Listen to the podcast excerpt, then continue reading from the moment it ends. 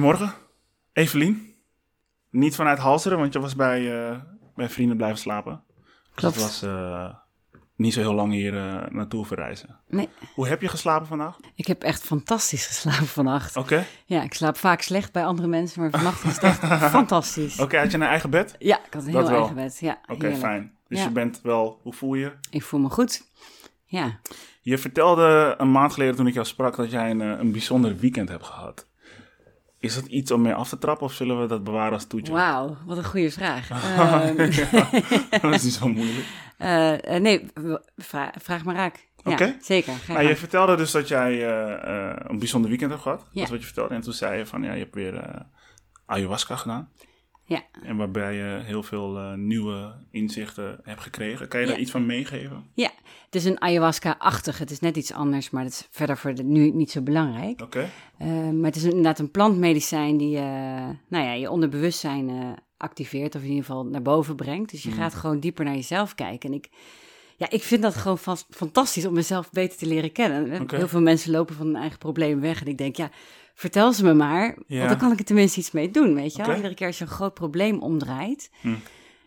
Ja, je wordt daar gewoon een stuk gelukkiger van, een stuk lichter van of zo. Mhm. Eh, dus ik, ik had er onwijs veel zin in. Ik heb er heel lang ook een beetje tegen opgekeken, omdat het ook spannend is. Hè. Je hoort ook wel verhalen dat het bijvoorbeeld niet goed ging. En op een gegeven moment dacht ik, ik ga. Ik, ga, ik voel gewoon, en dan zeggen ze dus ook, hè, eh, het plantmedicijn heeft je geroepen. Ja. En ik ben met een grote glimlach gegaan en ik ben met een belachelijk grote glimlach teruggekomen. Hè. De, ik wou dat ik het kon filmen, maar ik had echt een glimlach die van links buiten mijn oor tot rechts buiten mijn oor. In ieder geval de laatste drie uur van de trip eh, er was. En ehm, het was niet alleen maar leuk hoor, het is ook hard werken. Het is, het is geen feesten, het is geen eh, partydrugs of zoiets. Dus je komt ook minder mooie dingen tegen, maar ja, uiteindelijk is het gewoon heel tof om bij jezelf thuis te komen. En meer Hmm. bevriend te raken met jezelf. En beter te begrijpen wat de dingen zijn waar je, eh, waar je mee aan de slag kan gaan. En, eh, Is het een ervaring die iedereen zou krijgen bij... eh, oh, goede vraag.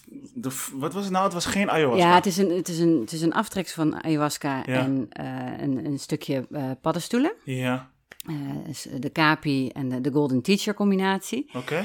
En eh, ik weet het niet zo goed of iedereen zo'n ervaring zou hebben. Ik weet wel dat het niet alleen maar voor iedereen alleen maar glimlach is. Hè. Er wordt ook vaak gehuild of Ja, eh, nou, ja. geworsteld of gestruggeld. Ja.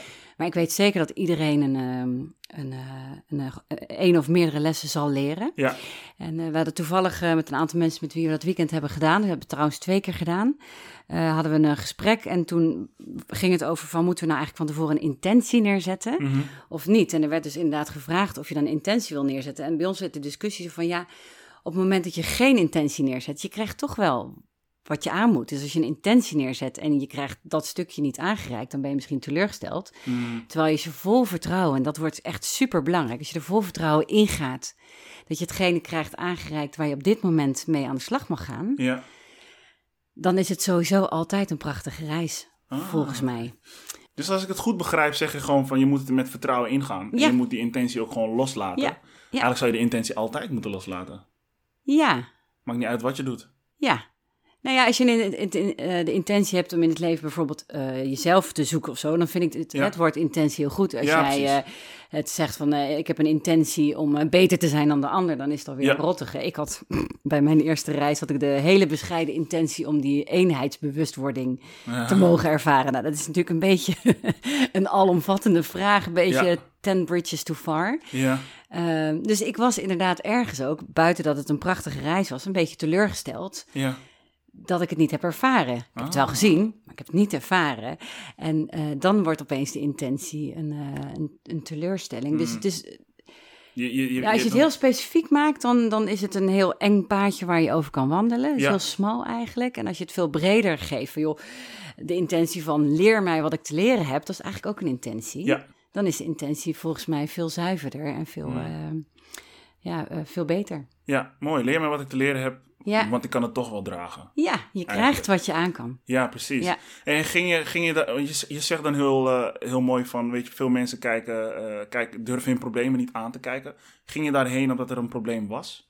Eh, op dit moment eigenlijk niet. Oké. Ehm, ik, ik heb het heel goed. Ik heb al heel veel dingen in mijn leven omgedraaid en in de ogen gekeken. Ehm, maar ik vind het gewoon extreem leuk om, om een, een betere versie van mezelf te worden. En Mm. dat, dat gaat gewoon met kleine stapjes en soms met hele grote stappen. Hè? Grote Ja. tegenstelling, of eh, sorry, tegenslagen. Daar zit gewoon een hele grote les in, eh verdiscontinueerd. Hè? Dus eh, daar kan je heel ver mee komen. Mm. Maar ik heb altijd zoiets van, ja, bring it on, weet je. Ook al heb ik geen actueel probleem nu. Ik kan me niet voorstellen dat, dat dit mijn eindstation is. Mm, Eh, nee, die snap ik wel. ja. Maar Ben je dan ook echt veranderd na het weekend? Kunnen, kan, kan jouw partner of kunnen jouw kinderen ook echt zeggen van... hey, mijn moeder is veranderd. Ehm, dat hadden ze denk ik sterk. Ik heb ook in het verleden een aantal keer eh Vipassana retreat gedaan. Dan ga je tien dagen in stilte retreaten. Mm. Dan mag je niet praten, dan mag je bijna niet eten. Je zit echt van vier uur s ochtends. Ja, je denkt iedere keer, wat doe ik hier ook alweer? Ja. Je zit van vier, vier uur s ochtends tot tien uur s avonds ben je aan het mediteren. Je mag Ja. niemand aankijken, er wordt niet geschreven, geen boek, geen niks lezen. Mm. Heel bizar, dus je kan alleen maar naar binnen. Maar het mooie daarvan is dat alle ruis van buitenaf afgesloten wordt.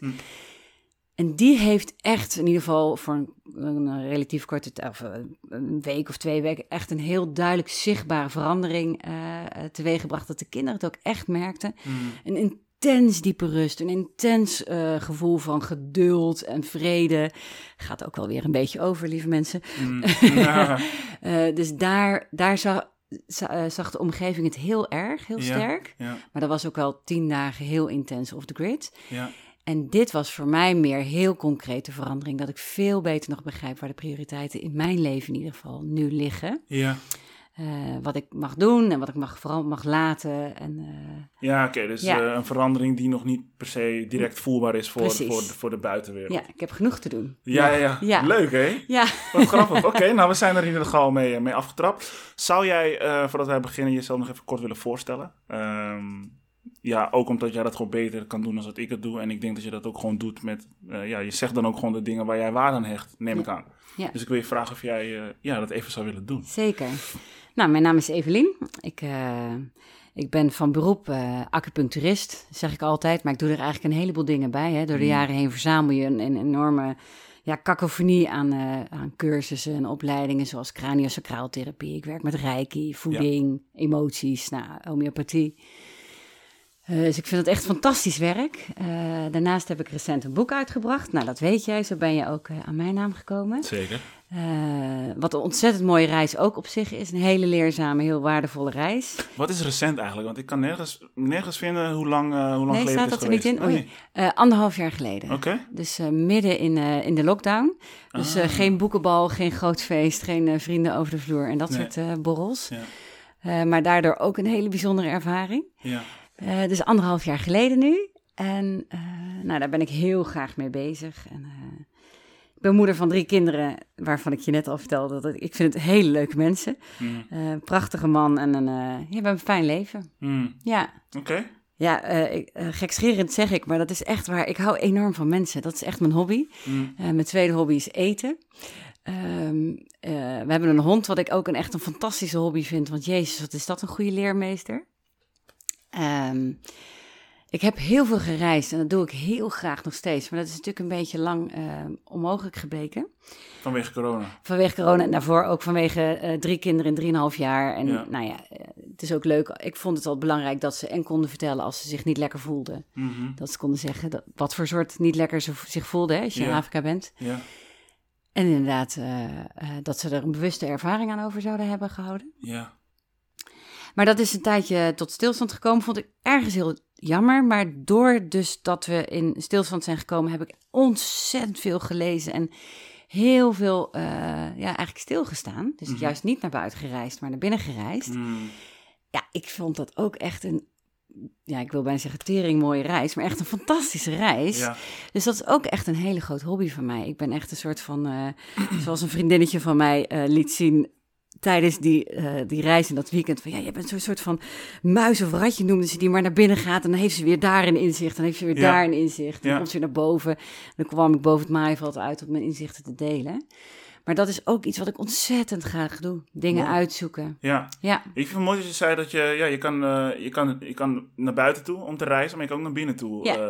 eh, om te reizen. Ja. Dat doen we niet zo heel veel. Zou je dat zelf vaker willen zien ook, dat mensen dat doen? ja. Ja? The only way out is in. Dus de enige manier om ergens uit te komen, hè, dan wel uit een situatie, een relatie, whatever, Ja. is naar binnen gaan. En zolang we het buiten onszelf zoeken, Mhm.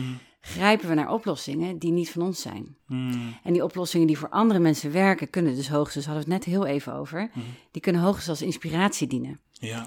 En dan is de bedoeling van waarom raakt dit mij zo? Waarom is dit zo'n mooi, mooi advies wat ik krijg? En dan is de bedoeling dat je hem naar binnen haalt en hem soort van vereigenend, Ja. is dat een woord überhaupt? Maar dat je hem Ik snap hem. eh, persoonlijk maakt en denkt, Ja. oké, ik geef eens het voorbeeld van als ik, ik ga graag naar concerten en als er dan iemand helemaal uit zijn sterk gaat op dat podium, ben ik echt extreem jaloers. Hmm. En ja, ik zou ook heel graag bas, eh, gitaar of drum willen spelen, kan ik niet, heel jammer. Maar buiten het feit dat ik het heel tof vind dat zij muziek kunnen maken en ik niet, Hmm. gaat het meer omdat ik echt jaloers ben, omdat ik zie dat ze met heel hun hart en ziel op dat moment iets doen wat Ja. zo ontzettend eigen is. En ze gaan er helemaal op en elke vorm van nou ja, uiterlijk, vers- niet bij iedereen misschien, maar uiterlijk vertoon vervalt. En ze zijn zo ongelooflijk zichzelf. En ik denk dat dat is waar ik nog meer jaloers op ben, of wat me inspireert, dan het feit dat ze artiest zijn en mooie muziek maken. Mm. Wat ik al heel mooi vind, maar die laag die daaronder zit, die net iets dieper is, als je iets beter kijkt, Ja. Is dus dat ze op en top zichzelf zijn. Dus Ja. zolang je je op oplossingen voor problemen buiten jezelf zoekt, zul je altijd misschieten. Hmm. Oké. Helder. Dus als je muziek weghaalt bij zo'n eh, met zo'n concert, eh dus kan je ook gewoon zien van, oké, diegene is gewoon volop aan het genieten. Ja, Ja. het is helemaal zijn, Bijzonder. helemaal zijn eigen ding aan het doen. Ja, maar bijzonder Ja. dat je daar dan jaloers op bent. Want dat, jij Ja, kan ook volop niet. genieten, toch? Ja, ja, en jaloers is misschien niet het goede woord. Ik zie jaloers altijd iets als een soort van ultieme vorm van bewondering. Ja, ja, ja. En als je hem, eh, dat is het, voor mij is het niet een negatief ding, Ja. maar als je hem doorzet naar, klopt. wat is het woord nou wat zwaarder is, afgunst, Ja. dan wordt het negatief. Maar als je jaloezie omzet in, hé, hey, en wat kan ik daar dan uit halen of Ja. leren, of eh, waarom ben ik zo onder de indruk hiervan? ja. En ik haal hem naar mezelf, dan kan ik alleen maar heel dankbaar zijn voor zo'n gast die helemaal uit zijn stekker Ja. gaat daar. eh. Wat mooi. ja, hey, en eh, toevallig, ik, ik gooi dit even erin, want ik was gisteren was ik een stukje gaan fietsen met een goede, goede vriend van mij. Ja. En wij kunnen heel goed kletsen met elkaar. En hij vertelde dat hij het, ehm, eh, wat hij belangrijk vindt, is dat als hij ooit een partner zou krijgen, een vriendin, dat zijn vriendin niet per se hoeft te houden van, eh, of niet per se hoeft te lezen. Maar hij vindt het wel belangrijk dat ze houdt van lezen. Eh, dus daar hebben we het heel even over gehad. Want wat bedoelt hij daar precies mee? Eigenlijk als je zegt van ja, ik hou niet van lezen, dan geef je aan van oké, ik sta er niet echt voor open. Hoe is dat bij jouw kinderen? Hebben ze jouw boek gelezen? Eh, de oudste heeft hem ges- gestart, is, is gestart met lezen. En die zei, ik vind toch, ik snap het wel, maar meer omdat je het mijn verhaal al vaker vertelt... dan dat hij het boek Aha. helemaal op de... eh, Op het, eh, zij begrijpt het concept, maar de, schijnbaar is de bewoording nog iets te moeilijk voor hem. Eh, ik vind lezen ongelooflijk leuk, dus ik gun het mijn kinderen ook. Ik kan Ja. me haast niet voorstellen dat ze het niet leuk vinden. Nee. Ik heb het ze altijd, eh, we hebben altijd zo- zo'n afspraak gemaakt van... s'avonds lees je een boek, s ochtends lees je Donald Duckjes. Ah, oké. We hebben ook altijd vreselijk veel voorgelezen, dus dat werkt heel erg. En in de lockdown zei ik, jullie mogen echt doen wat je wil, weet je, als school prima, maar doe maar wat. Maar één ding, smiddags na het eten gaan we één uur op je kamer zitten, even chillen. Ja. En lees je gewoon een boek. Ja. Dus ik had voor eh, de oudste had ik een stapel grijze jagers gekocht, wat, gekocht, wat toevallig echt er in de roos was. En voor de middelste Harry Potter, wat vol in de roos was. En die andere, die las andere boekjes die we nog hadden. En daardoor is het alleen maar, dat zijn zulke toffe reeksen. Dat, is, dat kan je bijna niet leuk vinden. Mm. En daardoor is het enorm eh, geaccumuleerd. Dus die kinderen lezen gewoon heel graag. Mm. En ook daarin zit. Het is niks anders dan een vorm van inspiratie, maar een soort van ultieme vorm van inspiratie. Omdat er zoveel creativiteit en fantasie in zit. Ja. Vooral in die Harry Potter boeken natuurlijk. eh, dat het bij die kinderen iets aanzit, Ja. aanzet. Pardon, eh, wat ze misschien op een andere manier niet aangezet hadden gekregen. Mm. Dus eh, het is goed om in, in, in, in, in dingen die misschien niet alledaags zijn, jezelf te verdiepen. Omdat dat kan resoneren met iets wat bij jou ook zit. Mooi. Maar als jij je altijd in het alledaagse omringt, ja, dan blijft dat slapen. Ja. En er is een woord, het heet, eh, ja, e- educatie is, is, is een woord. En dat komt volgens mij uit, van het woord eh eductere uit het Latijn. Oké. En e is uithalen, extraheren. Ja. En ductere is trekken. Aha. En educatie is eigenlijk het eruit halen. Met andere woorden, het zit al in je. En als je al die, nou ja, die, die one-liners gaat pakken, weet je wel, ehm, The Only Way Out is In bijvoorbeeld, hè, dus Ja. ik net ook zei, dan gaat het erom, en dat zeggen we heel vaak, het zit al in je. Alles Ja. wat je ooit nodig hebt, zit al in je. Ja. Je hebt het er alleen uit te halen. En dat doe je dus door middel van inspiratie. Door dus met dingen ook omringd te raken die niet bekend zijn. Of die Mhm. misschien een beetje vervelend zijn. Of die schuren. Mhm. Omdat het iets in jou kan wakker houden, eh, maken. Wat anders sluimerend zou kunnen kunnen zijn. Ja. En dat kan A, aan de ene kant iets zijn wat gewoon een talent is. Hè? Als ik nooit een viool op, oppak, weet ik niet of ik goed kan viool spelen of Ja. dat ik het überhaupt leuk vind. Ja. Maar het kan ook iets zijn wat je bijvoorbeeld van je ouders hebt overorven. Eh, ehm, eh, wat je nog mag aankijken hè? Ja. of iets anders. Dus het is heel goed om jezelf ehm, eh, te omringen met dingen die niet per se altijd alleen maar bekend zijn. Mm, Want dat brengt je in beweging en dat Ja. brengt je in groei. En dat is eigenlijk een beetje de reden waarom ik dat hele boek heb geschreven. Van, hè, de, het boek heet dan Zoals een boom. En ik vergelijk mensen met een boom. En hè, in, de, in de baarmoeder ben je dan dat, dat, dat eikeltje wat in de grond zit. Hè, dus in moeder aarde. En wij mensen Ja. zitten dan in onze moeder, in de baarmoeder. Maar die hele blauwdruk voor wie je bent zit er al in. En het, Mm. eigenlijk het enige wat de buitenwereld hoeft te doen, is het eruit te halen. Dat is dat woord eh, educatie, wat ik net zei. Van Ja. een goede vorm van onderwijs of educatie is het, Ja. het kind hetgene geven om, om eh, tot uiting te kunnen eh, brengen wat er eigenlijk altijd al in zit. ja. Je kunt van een, eik, een eikeltje kun je nooit een beukenboom maken. Dus stop trying. Hm. Volgens mij zijn er daarom zoveel mensen gefrustreerd in het leven, omdat ze iets moeten zijn wat ze niet zijn en Hm. dus eigenlijk ook nooit zullen worden. ja. Ja, dat is, dat is trek aan een dood paard. Dat, dat gaat nergens over natuurlijk. Dat is, is dat, kunnen we zeggen dat het de oorzaak is van een burn-out? Absoluut. Dat het de oorzaak is van een depressie? Kan zijn, hè? er zijn natuurlijk altijd heel veel dingen bij. Maar ze- Ja. ik ben ervan overtuigd dat op het moment dat je, wanneer je de vrijheid voelt om jezelf te zijn, Ja, kan het leven nog steeds wel eens stom en zwaar en, en vol tegenslagen zijn. ja, Maar eh, dan kun je geen burn-out krijgen. Krijgen. Dat kan haast niet. nee. Want het leven mag best hard werken zijn. Ja. Maar kijk maar naar die boom, weet je, die groeit heus wel. En ook al waait het keihard en ook al slaat af en toe de bliksem erin of worden takken afgezaagd of zit er een vogel irritant al zijn vruchten weg te pikken. Maar hij groeit. Hij gaat gewoon omdat hij alleen maar zichzelf kan zijn. Ja. En het verschil tussen een boom en een mens, en dan onderschrijf ik, of dan haal ik eigenlijk mijn eigen boek gelijk onderuit. Maar een boom kan alleen maar zichzelf zijn. Een mens heeft de vrije keus gekregen, de vrije wil. Dat is denk ik het grote sche- geschenk van de mens. Mm, Alleen daar kunnen we niet zo goed mee omgaan. Maar we hebben dus de keuze om natuurlijk te zijn, onszelf te zijn. Hè? Dus ehm, te ontwikkelen wie we, wat, wat wat er eigenlijk al in zit. ja, Maar doordat je die vrije keuze hebt, heb je ook de vrije keuze om een onnatuurlijke keuze te maken. Om eh, eh, dingen te doen die niet bij je passen. Om, om een opleiding te volgen die je eigenlijk helemaal niet leuk vindt. Hè? Om, om goedkeuring te krijgen van de buitenwereld. Dus Mm.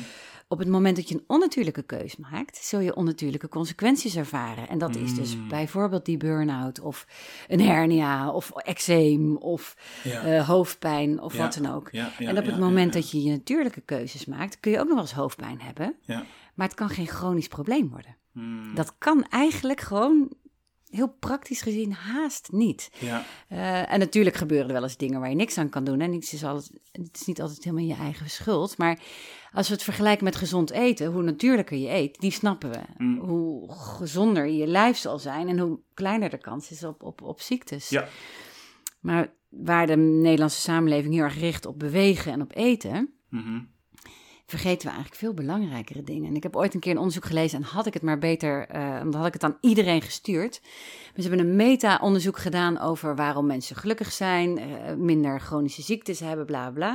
En dan zegt iedereen altijd gelijk, oh die blue zones, die blue zones, hè, eh, vis en, en buitenlucht en, en af en toe een wijntje. Maar het is veel groter dan dat. En er waren vijf dingen. Vijf dingen die een leven lang en gelukkig maakten. En dan hè, een, een relatief goede gezondheid Ja, ja. en mogelijkheden. En onderaan stond eh, ehm, gezond eten. Dus Ja. van de vijf was dat het minst belangrijke. Wel belangrijk, maar eh, niet zo heel eh, allesomvattend. Op nummer vier, dus belangrijker dan voeding, was bewegen. Ja, Dat is iets anders dan sporten, maar dus in beweging blijven. Dus letterlijk, maar dus ook figuurlijk. ja, Op nummer drie, en nummer drie en twee haal ik al door de war, want immers, ik heb het niet heel goed meegenomen, het onderzoek. Op nummer drie stond eh, het gevoel van niet alleen zijn. Dus of je nou één vriend hebt of honderdduizend vrienden, maar dat je iemand hebt op wie je kan terugvallen. Dus een dat staat sociaal... op nummer drie of nummer twee. Op nummer drie of nummer twee, maar nummer drie en twee kun je door elkaar halen. Ja, Die andere is dus, die ook dus drie of twee kan zijn, is absolute rust. En dat is dus niet tv kijken, dat is niet lezen, dat is eigenlijk lummelen. Bijna tegen het vervelen, vervelen aan. Dus een ja. beetje reminiscen, een beetje ja, whatever, weet je wel? ja, ja, ja, ja. En weet je wat er op nummer één staat? Kun je dat bedenken? Wat op nummer één staat? Ja, wat is het allerbelangrijkste voor gezondheid? Voor geluk, voor welzijn, welzijn. Ehm, ik denk, eh, ik denk de mensen die je om je heen hebt, zou ik zeggen. Ja, maar die zat al een beetje in die, er nummer in, hè? drie, hè? Die zit al een beetje in dat sociale stuk. Dus die is super belangrijk, belangrijker Ja. dan eten dus blijkbaar. Nummer één. Nee, ik denk dat je dat me even moet vertellen. Nee. Het is eh, begeisterd zijn of geïnspireerd zijn of een, eh, dus eh, met die goddelijke vonk of zo eh, eh, Mm. leven. Dus het leven leiden waar je op aangaat. Hmm. En dat, hè, dus gewoon enthousiast leven, dat betekent niet dat je de hele dag hoeft te hyperen en alleen maar, ah, het is zo tof mijn leven. Maar dat die momenten er vaak genoeg zijn om punten op de horizon te hebben waar je naartoe beweegt. Ja, ja. Ja, Eh, Vind ik een, dat, eens, dat vind ik een hele mooie. Maar tegelijkertijd denk ik wel van er zijn genoeg mensen die ervoor kiezen om niet geïnspireerd te raken. Omdat het geïnspireerd raken behoorlijk confronterend kan zijn. En dat het ook tegen al je overtuigingen Ja. in kan gaan. Ja, en dan moet je tegen heilig huis inschoppen. Dan moet je Ja. je ouders misschien teleurstellen. Ja. En, en dat klopt. En ik denk dat er nog een ander aspect is, buiten het feit dat je het heel spannend vindt om, om echt, echt je eigen leven te leiden. Ja, Omdat dat ook echt altijd anders zal zijn dan een ander. Want iedereen is zo anders. Hè? Dus je bent dan ook gelijk anders. En we zijn toch ook wel graag in de veiligheid van dezelfde. ja, Ehm, maar er zit ook iets in dat wij.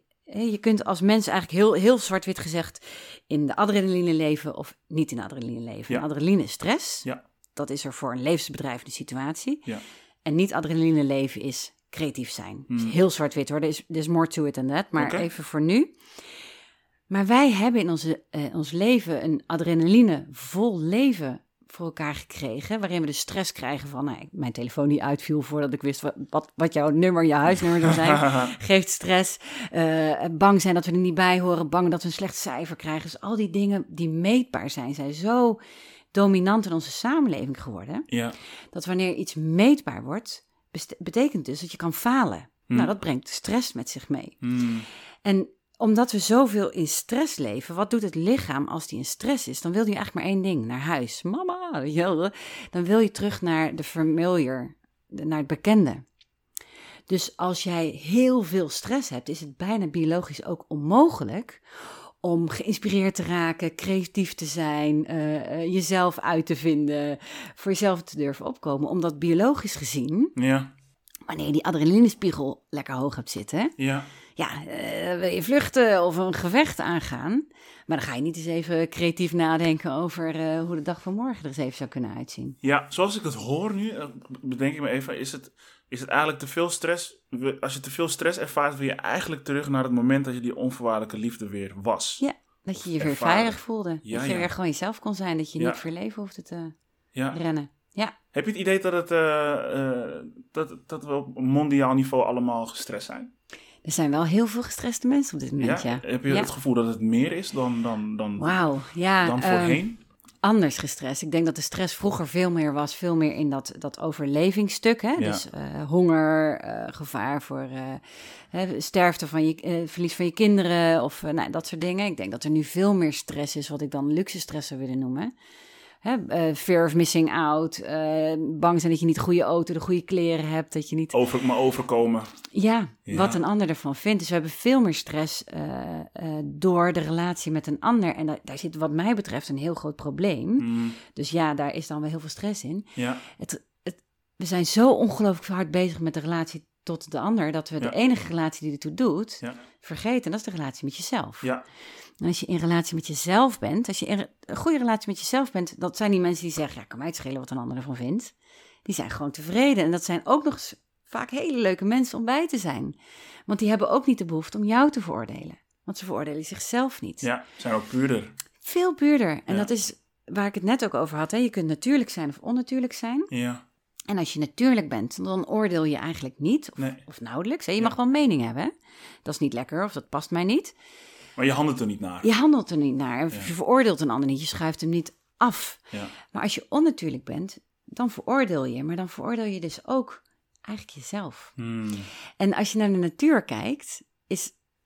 Ja, ik maak, altijd, ik maak die grapjes, hè, dus het is eigenlijk helemaal geen leuk grapje, maar om het heel duidelijk te maken, van er is geen boom die tegen een struik zegt, hé, hey, klein kutding, wat sta je hier nou een beetje te doen, weet je wel? Hmm. Er is geen klaproos tegen, tegen Margriet zegt, wat sta je hier op te scheppen? Oh, denk je zeker dat je belangrijk bent? ja, Dus is, in de natuur is niets dat oordeelt. De natuur is iedereen. ja, Is. ja. En dat is de natuurlijke staat van zijn. Dat we gewoon kunnen zijn wie we zijn. hè. Dus een bloem is een bloem, een struik is een struik, een boom is een boom. Mhm. En iedereen is daar perfectly happy mee. Hmm. En vroeger, het Darwinisme zegt eh, survival of the fittest. Soms wordt het wel eens gezien als survival of the strongest. Maar die theorie blijft een theorie, want daar zitten hele grote hiaten in. is nooit bewezen. En ze zijn nu veel met, voor voor het schijnt inzicht, zijn ze erachter gekomen dat de natuur helemaal geen strijd is. Maar dat het een harmonieus, coöperatief, liefdevol geheel is. Nou, dat is wel even iets anders Hmm. dan wanneer vanuit het Darwinistische systeem van strijd denkt. Ja. En die strijd, dat gaat over meten. Ik moet de beste zijn, ik moet de snelste zijn, ik Ja. moet de knapste zijn, ik moet de leukste zijn. Want stel je voor, want anders val ik af. Het is bijna een levens, Ja. een leven- en doodstrijd. Competitief. Heel erg zit in onze, en enorm competitief, zit in onze cultuur. Je moet naar de VWO, be- pardon, dan ben je meer waard dan wanneer je maar VMBO hebt gedaan. Kijk maar naar de salarissen, dat drukt genoeg uit. Ik vind het belachelijk. Ja. Maar dat is hoe de maatschappij in elkaar zit. Dus dat meetbare, dat ik moet beter zijn dan de ander. Dus het te- je verhouden tot een ander is een, wat mij betreft een Darwinistische inslag. Ja. En wat mij betreft dus ook absoluut een achterhaald principe. Hmm. Want daarmee zeg je dus dat de een meer is dan de achter. En dat is gewoon bullshit. Ja. Want hè, stel je voor dat we alle struiken weg zouden halen, want die bomen zijn nou eenmaal groter en dus belangrijker en, en die kunnen ouder worden. Ja. Ja, dan, gaat, dan gaan we naar de kloten. Wat heeft dat voor invloed op, op de natuur, joh, op, de, op, de planeet? Ik geloof dat we allemaal doordrongen zijn van het feit dat als de bij verdwijnt, dat we met z'n allen verdwijnen. Hè? Dus Ja. die, die beginnen nu een beetje te begrijpen, maar dat Ja. gaat over alles. Ja. Dus alles heeft dus een functie en als iedereen zijn eigen functie mag uitvoeren, Hmm. Dan zitten we in een coöperatieve, harmonieuze, liefdevolle wereld. Ja. En op het moment dat we iets proberen te zijn wat we denken dat we moeten zijn, Ja. wat mij betreft, dus ik, ook zeg heel vaak wat mij betreft, eh, dat is een onnatuurlijke eh, keuze. Ja. Ja, dan ga je in de stress. En dat is die vraag die zegt, zijn we in de stress? Ja, dat is het niet in relatie tot jezelf staan, maar in relatie tot een ander staan. Ja.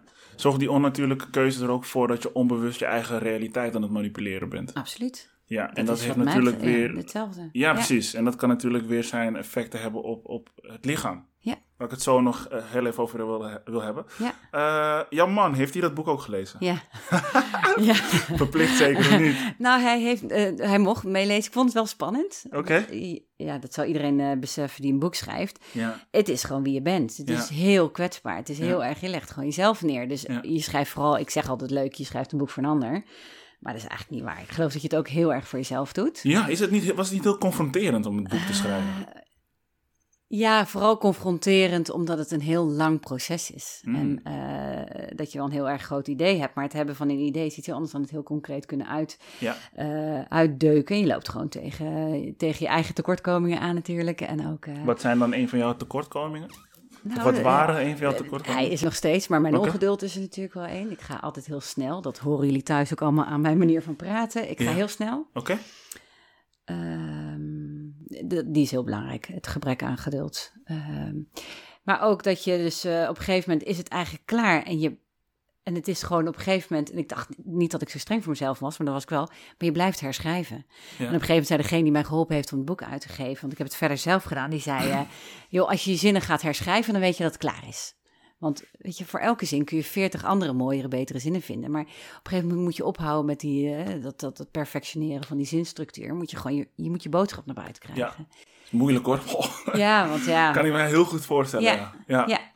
Maar het is weer zo'n mooie. Weet je, op een gegeven moment moet je het gewoon doen. Hup, Mm. klap erop. En het is niet perfect, hoeft ook niet, is niet belangrijk. En andere mensen lezen het heel anders dan dat jij het, het hebt bedoeld. Die zien hele andere dingen. Dus Ja. gewoon gaan. En dan Ja. wordt het tweede boek of de tweede versie of whatever, wordt dan weer beter of zo. Ja, door het te perfectioneren probeer je eigenlijk een bepaalde invloed te hebben op, iemands, eh, op hoe iemand het tot Ja. zich neemt. Ja, lijkt mij, gaat, precies. Maar dat is het. Wat ging ik doen? Dat is een van die fouten. Je ging door andermans ogen Ja. Naar je eigen boek kijken. Nou, fout nummer één, daar heb ik het net over gehad, weet Ja. je wel. Dan ben je weer in relatie tot de ander. Ja.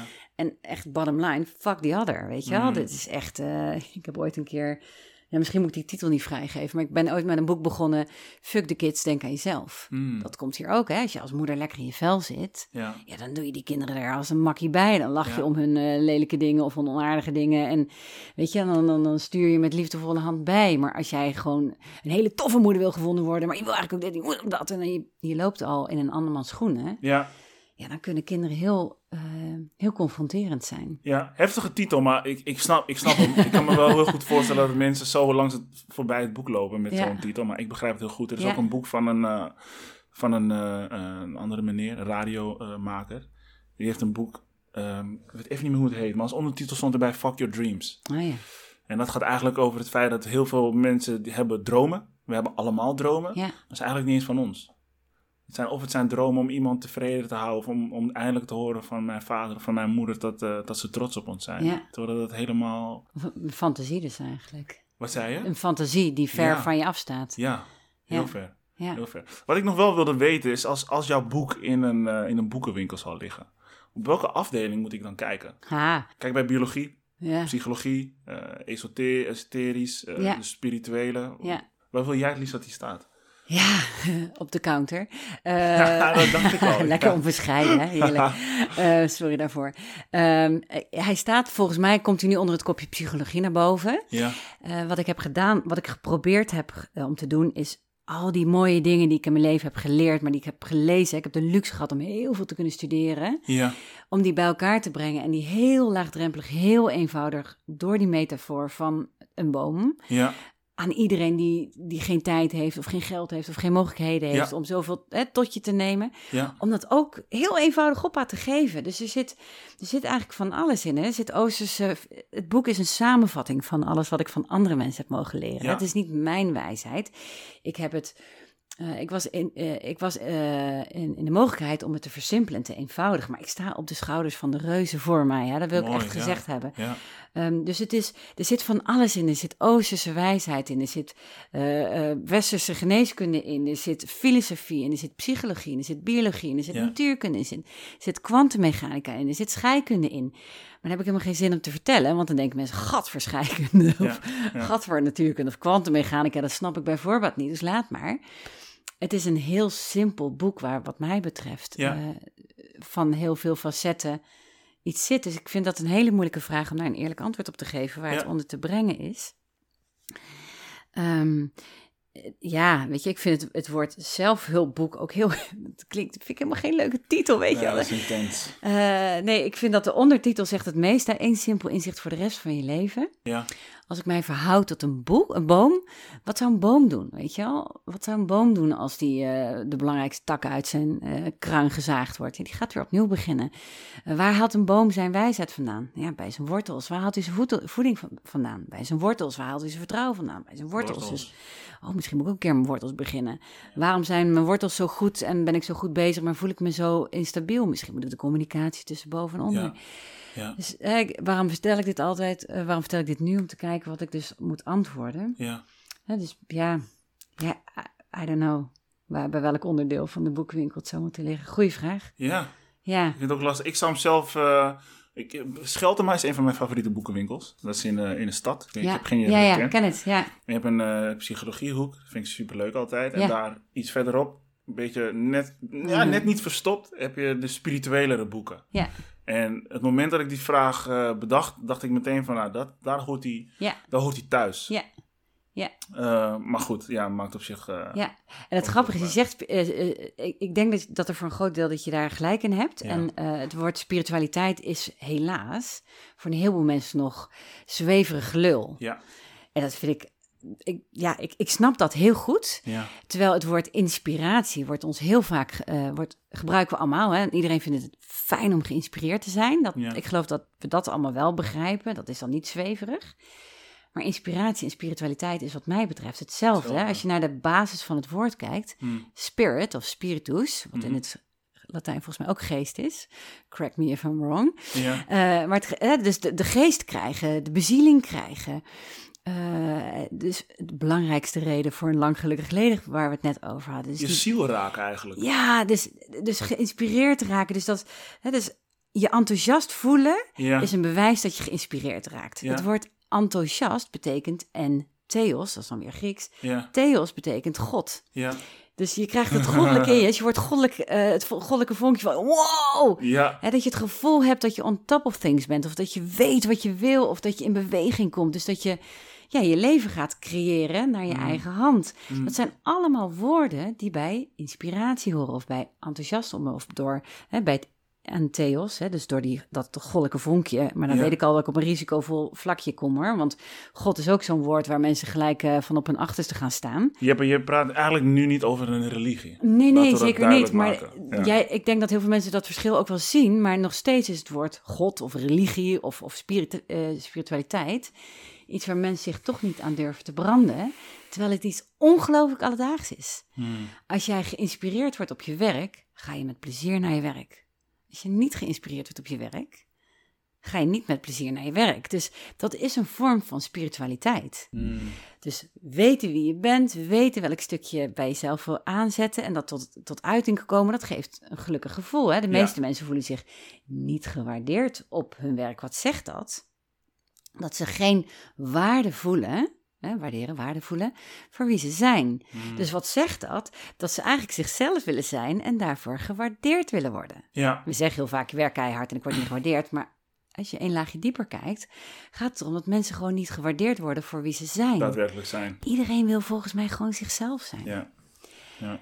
En als je dus een geïnspireerdere leven leidt, wat mij betreft, ben je dan hartstikke spiritueel bezig.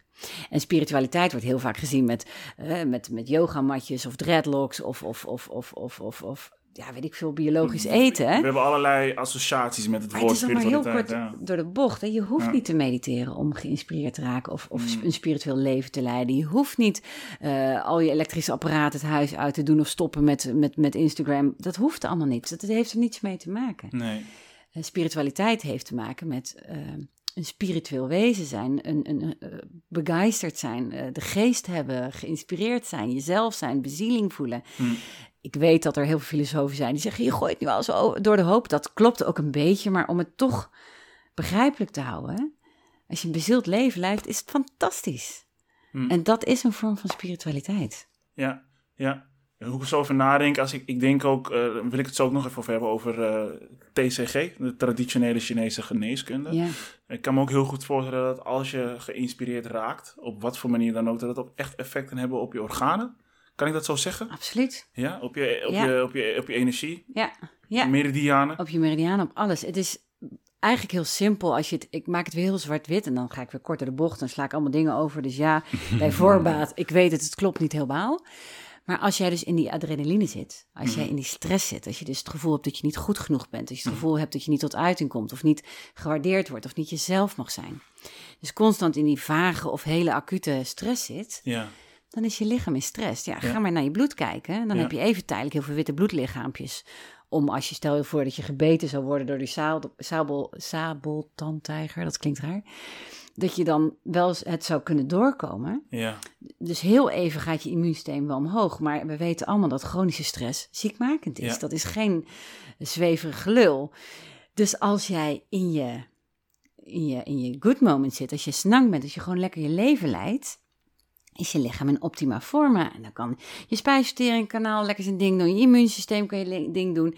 En dan kunnen er, we hebben allemaal wel eens kankercellen in ons lichaam. Dat is niet zo leuk om te zeggen, maar als je erover nadenkt dat we het allemaal hebben en je lichaam daar super in- intelligent voor is om dat op te lossen, ja, dan word je opeens gerust. Oh, dus als ik gerust ben, kan mijn lichaam zichzelf heel makkelijk herstellen. ja, Klopt. ja, Maar als je heel erg in stress bent, is je lichaam met andere dingen bezig. Bezig. Je hebt maar één bak energie, zeg maar. ja, En je bent het of aan het overleven of aan het lekker leven. ja, Dus hoe meer jij je eigen leven leidt, hoe meer jij dus het eh, gevoel hebt dat je gewoon jezelf mag zijn, dat je tevreden met jezelf bent. Hè? Dus dat die relatie ja, tot jezelf in orde is, hoe, hoe groter de kans is. Hè? Je moet altijd voorzichtig zijn met wat je zegt, maar hoe groter de kans is dat je gewoon gezond blijft. ja. Fysiek en mentaal. Fysiek en mentaal. Ja. En hoe minder je dus jezelf eh, kunt zijn of in relatie tot jezelf kunt handelen, Ja, hoe kleiner de kans is dat, dat het een vlekkeloos leven is. ja, ja. Hoe is het zelf met jou, met jouw tevredenheid? Ah, ja, het gaat eigenlijk best goed. Ja. ik, ik, Dat eh, idee heb ik ook. Ik was gewoon echt benieuwd. Ja, eh, ja ik, eh, ik, ik heb natuurlijk ook mijn eigen knokmomenten gehad. En eh, eh, ik ben er wel eentje die niet per se bewust, maar eh, ik heb vaak tegen de stroom ingezwommen. mm, En daar waar iedereen linksaf ging, eh, dacht ik altijd, oh, en wat zou er dan rechts zijn? En daar waar Mm. iedereen eh dikke gas gaf op, eh, op zijn carrière, dacht ik, nou, als ik nu nog een jaartje leraaropleiding doe, dan krijg ik nog een jaar OV en een jaar studiebeurs. dat Ja. is een leuk jaar om mijn studententijd te verlengen. Dus dat heb ik zo gedaan. En eh, de- eh, ik ben uiteindelijk in het onderwijs terechtgekomen dat mensen zeiden, wat ga jij lesgeven? Daar kun je er geen, geen geld mee verdienen, weet je wel? Dat soort Opmerking krijg je onbelangrijke dan. opmerkingen. Maar Ja. ja, ik vond het wel leuk en dan had ik ook heel veel vrije tijd. En mijn man eh, is een aantal jaar jonger en die studeerde nog vol, dus ik kon nog hartstikke veel meegaan in dat feest. Ik ben toen ook met de acupunctuur in contact gekomen. Mensen, je gaat geen acupunctuur. Jezus, weet je, je wil niet weten hoeveel kritiek ik daarover heb gehad. Maar ik, ja, ik was zelf ooit met acupunctuur behandeld en ik vond het fantastisch. En ik was gewoon nieuwsgierig. Dus mijn nieuwsgierigheid heeft altijd mijn, is een beetje zo... eh, Heeft jou gedreven Heeft mij gedreven. hè? Nieuwsgierigheid is een soort drijfveer voor Ja. jou. Zo klinkt het nu. eh, Ja, maar daardoor ben je dus niet, zeg maar, eh, in die, in die, in die, langs die meetlat van de maatschappij. Want je gaat studeren en dan Mhm. ga je een goede baan zoeken. En dan ga je zo snel mogelijk, weet ik veel, een huis en een hypotheek en dat soort dingen. Ja. En bij mij is dat eigenlijk langs in een hele brede zin is dat ook wel zo gegaan. Maar ik vloog wel alle kanten op en ik vond dat heerlijk om in, in stukken te bewegen die, Ja. die nog best wel onbekend zijn. Daarom vind ik dat lezen dus ook zo ontzettend leuk. Ja. Dat je gewoon iedere keer denkt, nee joh, dit dan weer, weet je wel. Ah. Eh, dus ehm, ik, ik, ik ben en was niet zo makkelijk in een hokje te duwen. Dat is Ja. voor bijna alle docenten en begeleiders, managers, coaches die ik heb gehad, extreem irritant. Ik denk voor mijn ouders ook wel ergens. ja. Ehm, ik heb ook toen ik stopte met lesgeven ook heel lang gezocht naar wat wil ik dan zijn of wie wil ik dan, hè, wat voor titel kan ik dan aan mezelf ophangen of wat voor baan ga ik dan doen. En ik denk dat ik daar drie jaar mee bezig ben geweest. Ik heb ontzettend veel met mensen gesproken en de conclusie is, je bent gewoon niet in een hokje te duwen. Hè? Dus ik heb aan, aan verschillende vrouwen gevraagd joh, noem eens drie dingen die kenmerkend zijn voor mij. Nou, ik kreeg van iedereen iets anders. Ja, dat is heel leuk en hartverwarmend, maar ook heel eh, verwarrend. Weet je wel, ik wilde gewoon een website maken waarin ik dus acupuncturist was, auteur en uiteindelijk ben je dan inspirator en Mhm. storyteller. Maar Mhm. ja, eh, weet je, ik heb zoveel andere dingen ook gekregen dat je denkt, ja, waar valt dat dan weer onder? Ja. Ja. Dus het is, en heel eerlijk, ik denk dat ik daar niet bijzonder in ben. Ik denk dat we allemaal eigenlijk niet in een hokje te passen zouden moeten zijn. In essentie. In essentie, want iedereen is zo fucking uniek dat het bijna gênant is. Het is. Ik vind het bijna een belediging aan de mens Ja. om mensen in hokjes te duwen. Alleen sommige mensen zijn gewoon beter in zichzelf schikken. En eh, ik, ik kan dat niet zo goed. Had ik wel Ja. gewild hoor, had ik wat minder op mijn flikker gekregen. Is het iets, gekregen. eh, iets, iets, iets negatiefs eigenlijk als je je beter kan schikken? Als je, als je Nee. handelbaar bent? Nee, maar het, het had het leven makkelijk gemaakt. Maar Ja. ik denk dat ik nu zo ongelooflijk gelukkig mag of kan zijn. Ja. Misschien wel eh, doordat ik me niet heb kunnen schikken. Hmm. Omdat ik dus... Ik kon niet anders dan mezelf zijn. En dat, ja, dat werd niet in dank, afge, in dank afgenomen. Hè? Want Ja. ja, je deed het echt op jouw manier. Maar ik wilde echt wel mijn mond houden en een keer een les volgen en huiswerk maken. En, maar het, het lukte me gewoon niet. En ik had echt wel die intentie. Ik wilde echt wel heus mijn mensen om me heen tevreden stellen. Maar dan dacht ik, oh shit, ja, nee. Oh, alweer een dag voorbij, weer mislukt. Het, het, Mm. het is me gewoon niet ge- gelukt. Gelukkig ben ik heel blij mee. Ben ik heel dankbaar voor, want dat heeft me dit leven gegeven. Gegeven, en ik gun dat echt iedereen. Mooi. Maar het is niet altijd even makkelijk geweest. Nee. Ik denk dat iedereen die een beetje anders zich heeft gedragen daarin zich kan herkennen. Herkennen. Ja. Je bent niet de enige outcast. eh. Nee, oh nee, gelukkig niet. Nee, nee, Nee. nee. nee. Ehm, in het boek beschrijf je op een, eh, ja, op een hele simpele manier de yin-yang principe. Eh, geweldig trouwens. Eh, en dat komt veelvoudig ook terug in Taoïsme. Ja. Eh, daar straks wat meer over. Maar yin is dus donker, zoals je het beschrijft. En staat voor vrouwelijk. Ja. En yang is licht en staat voor mannelijk. Ja. Ehm, waarom zijn yin en yang... Wat is het nou? Yin? Yang? Wat zeg Het ik? is yin zonder G en Ja. dan yang met een, en, eh, met een G erachter. Ah, Yin, yin, yang. yang. Ja, Ah. ja. ja. Oké, helder. Maar waarom zijn yin en yang zo onlosmakelijk met elkaar verbonden? Ja, ja, essentie van, van het leven ongeveer. Ik ga hem proberen simpel uitzetten. Alsjeblieft. Ehm, als alles alleen maar wit is, Ja. ervaar je geen wit. Ja. Als alles alleen maar fantastisch is, ervaar je geen fantastisch. Als alles alleen maar mooi is, kun je geen mooi ervaren. Ja. Dus je hebt het contrast nodig Mm. om het andere te ervaren. Dus je hebt het, eh, het donkere nodig om het licht te kunnen zien. Dan lijkt het net alsof ik impliceer dat yin het slecht is. Dat is niet waar trouwens. Maar je hebt het contrast nodig Mhm. Om te kunnen ervaren. En daar waarin dus, ik ga even terug naar die boom. Die boom kan alleen maar zichzelf zijn. Er zit ook een yin-yang principe in. Mhm. Maar wij mensen hebben een natuurlijk en een onnatuurlijk nodig, Ja. zodat we kunnen ervaren wat de resultaten zijn van onze keuzes. Zodat we als we een natuurlijke keus maken, dat we ervaren, hé, hey, dat voelt fijn. Ja. Dit is die ervaring die ons leven diepgang geeft. Het is ons, die ervaring die ons leven zin geeft. Het is die ervaring waardoor we iedere dag weer uit ons bed komen. Ja.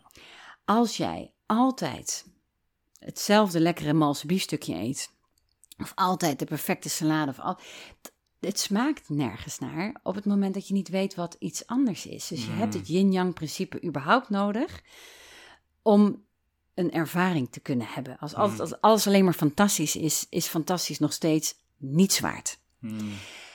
Dus dat is heel belangrijk. Je hebt wit nodig om zwart te kunnen zien. Je hebt zwart nodig om wit te kunnen zien. Daarnaast zit eh, dat alles in het leven beweegt. En als iets niet beweegt, staat het stil, gaat het dood. Dat is Ja. met cellen, hè, stilstandsachteruitgang en Stagneert. stagneert en dan is het leven voorbij. Dus dat yin-yang beweging kun je ook als een soort van, ja, bijna als een magneet zien. Dat stuurt elkaar voor of dat trekt elkaar aan of dat beweegt door. Dus dat yin-yang teken, Ja. je ziet ook heel mooi in elkaar opgaan, een soort van in infinity en dan in elkaar overgaan. Ehm, dus het zet dingen ook in motion. Het, het is de motor achter het leven. Dus als alles alleen maar wit is, is er geen beweging. En is er dus Geen geen leven, leven. is er geen beweging, is er geen ontwikkeling, is er geen groei, is er geen Is er geen tijd? is er geen tijd. En, en dat is dus misschien wel, ehm, ja, ehm, ja, dat is natuurlijk een hele moeilijke vraag trouwens. Van tijd is weer een heel ander concept, want Ja. dat bestaat eigenlijk weer niet. Weet Ja. je wel, heel moeilijk, ik snap het wel, maar ik snap er geen flikker van. Ja. Eh, ik was hier om negen uur, weet je wel, dat idee. Dus er is wel degelijk tijd. Ehm, maar dan is, dan kom je echt in het is stukje van er is niks of er is alles. Mm. Maar je kunt het niet ervaren.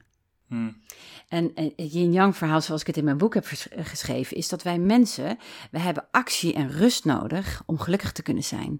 En hoe harder we in dat yang eh, eh, aspect zitten, en dat mannelijke in die takken, in onze verschillende takken van sport, hè, dus verschillende richtingen onszelf opgroeien, Mhm.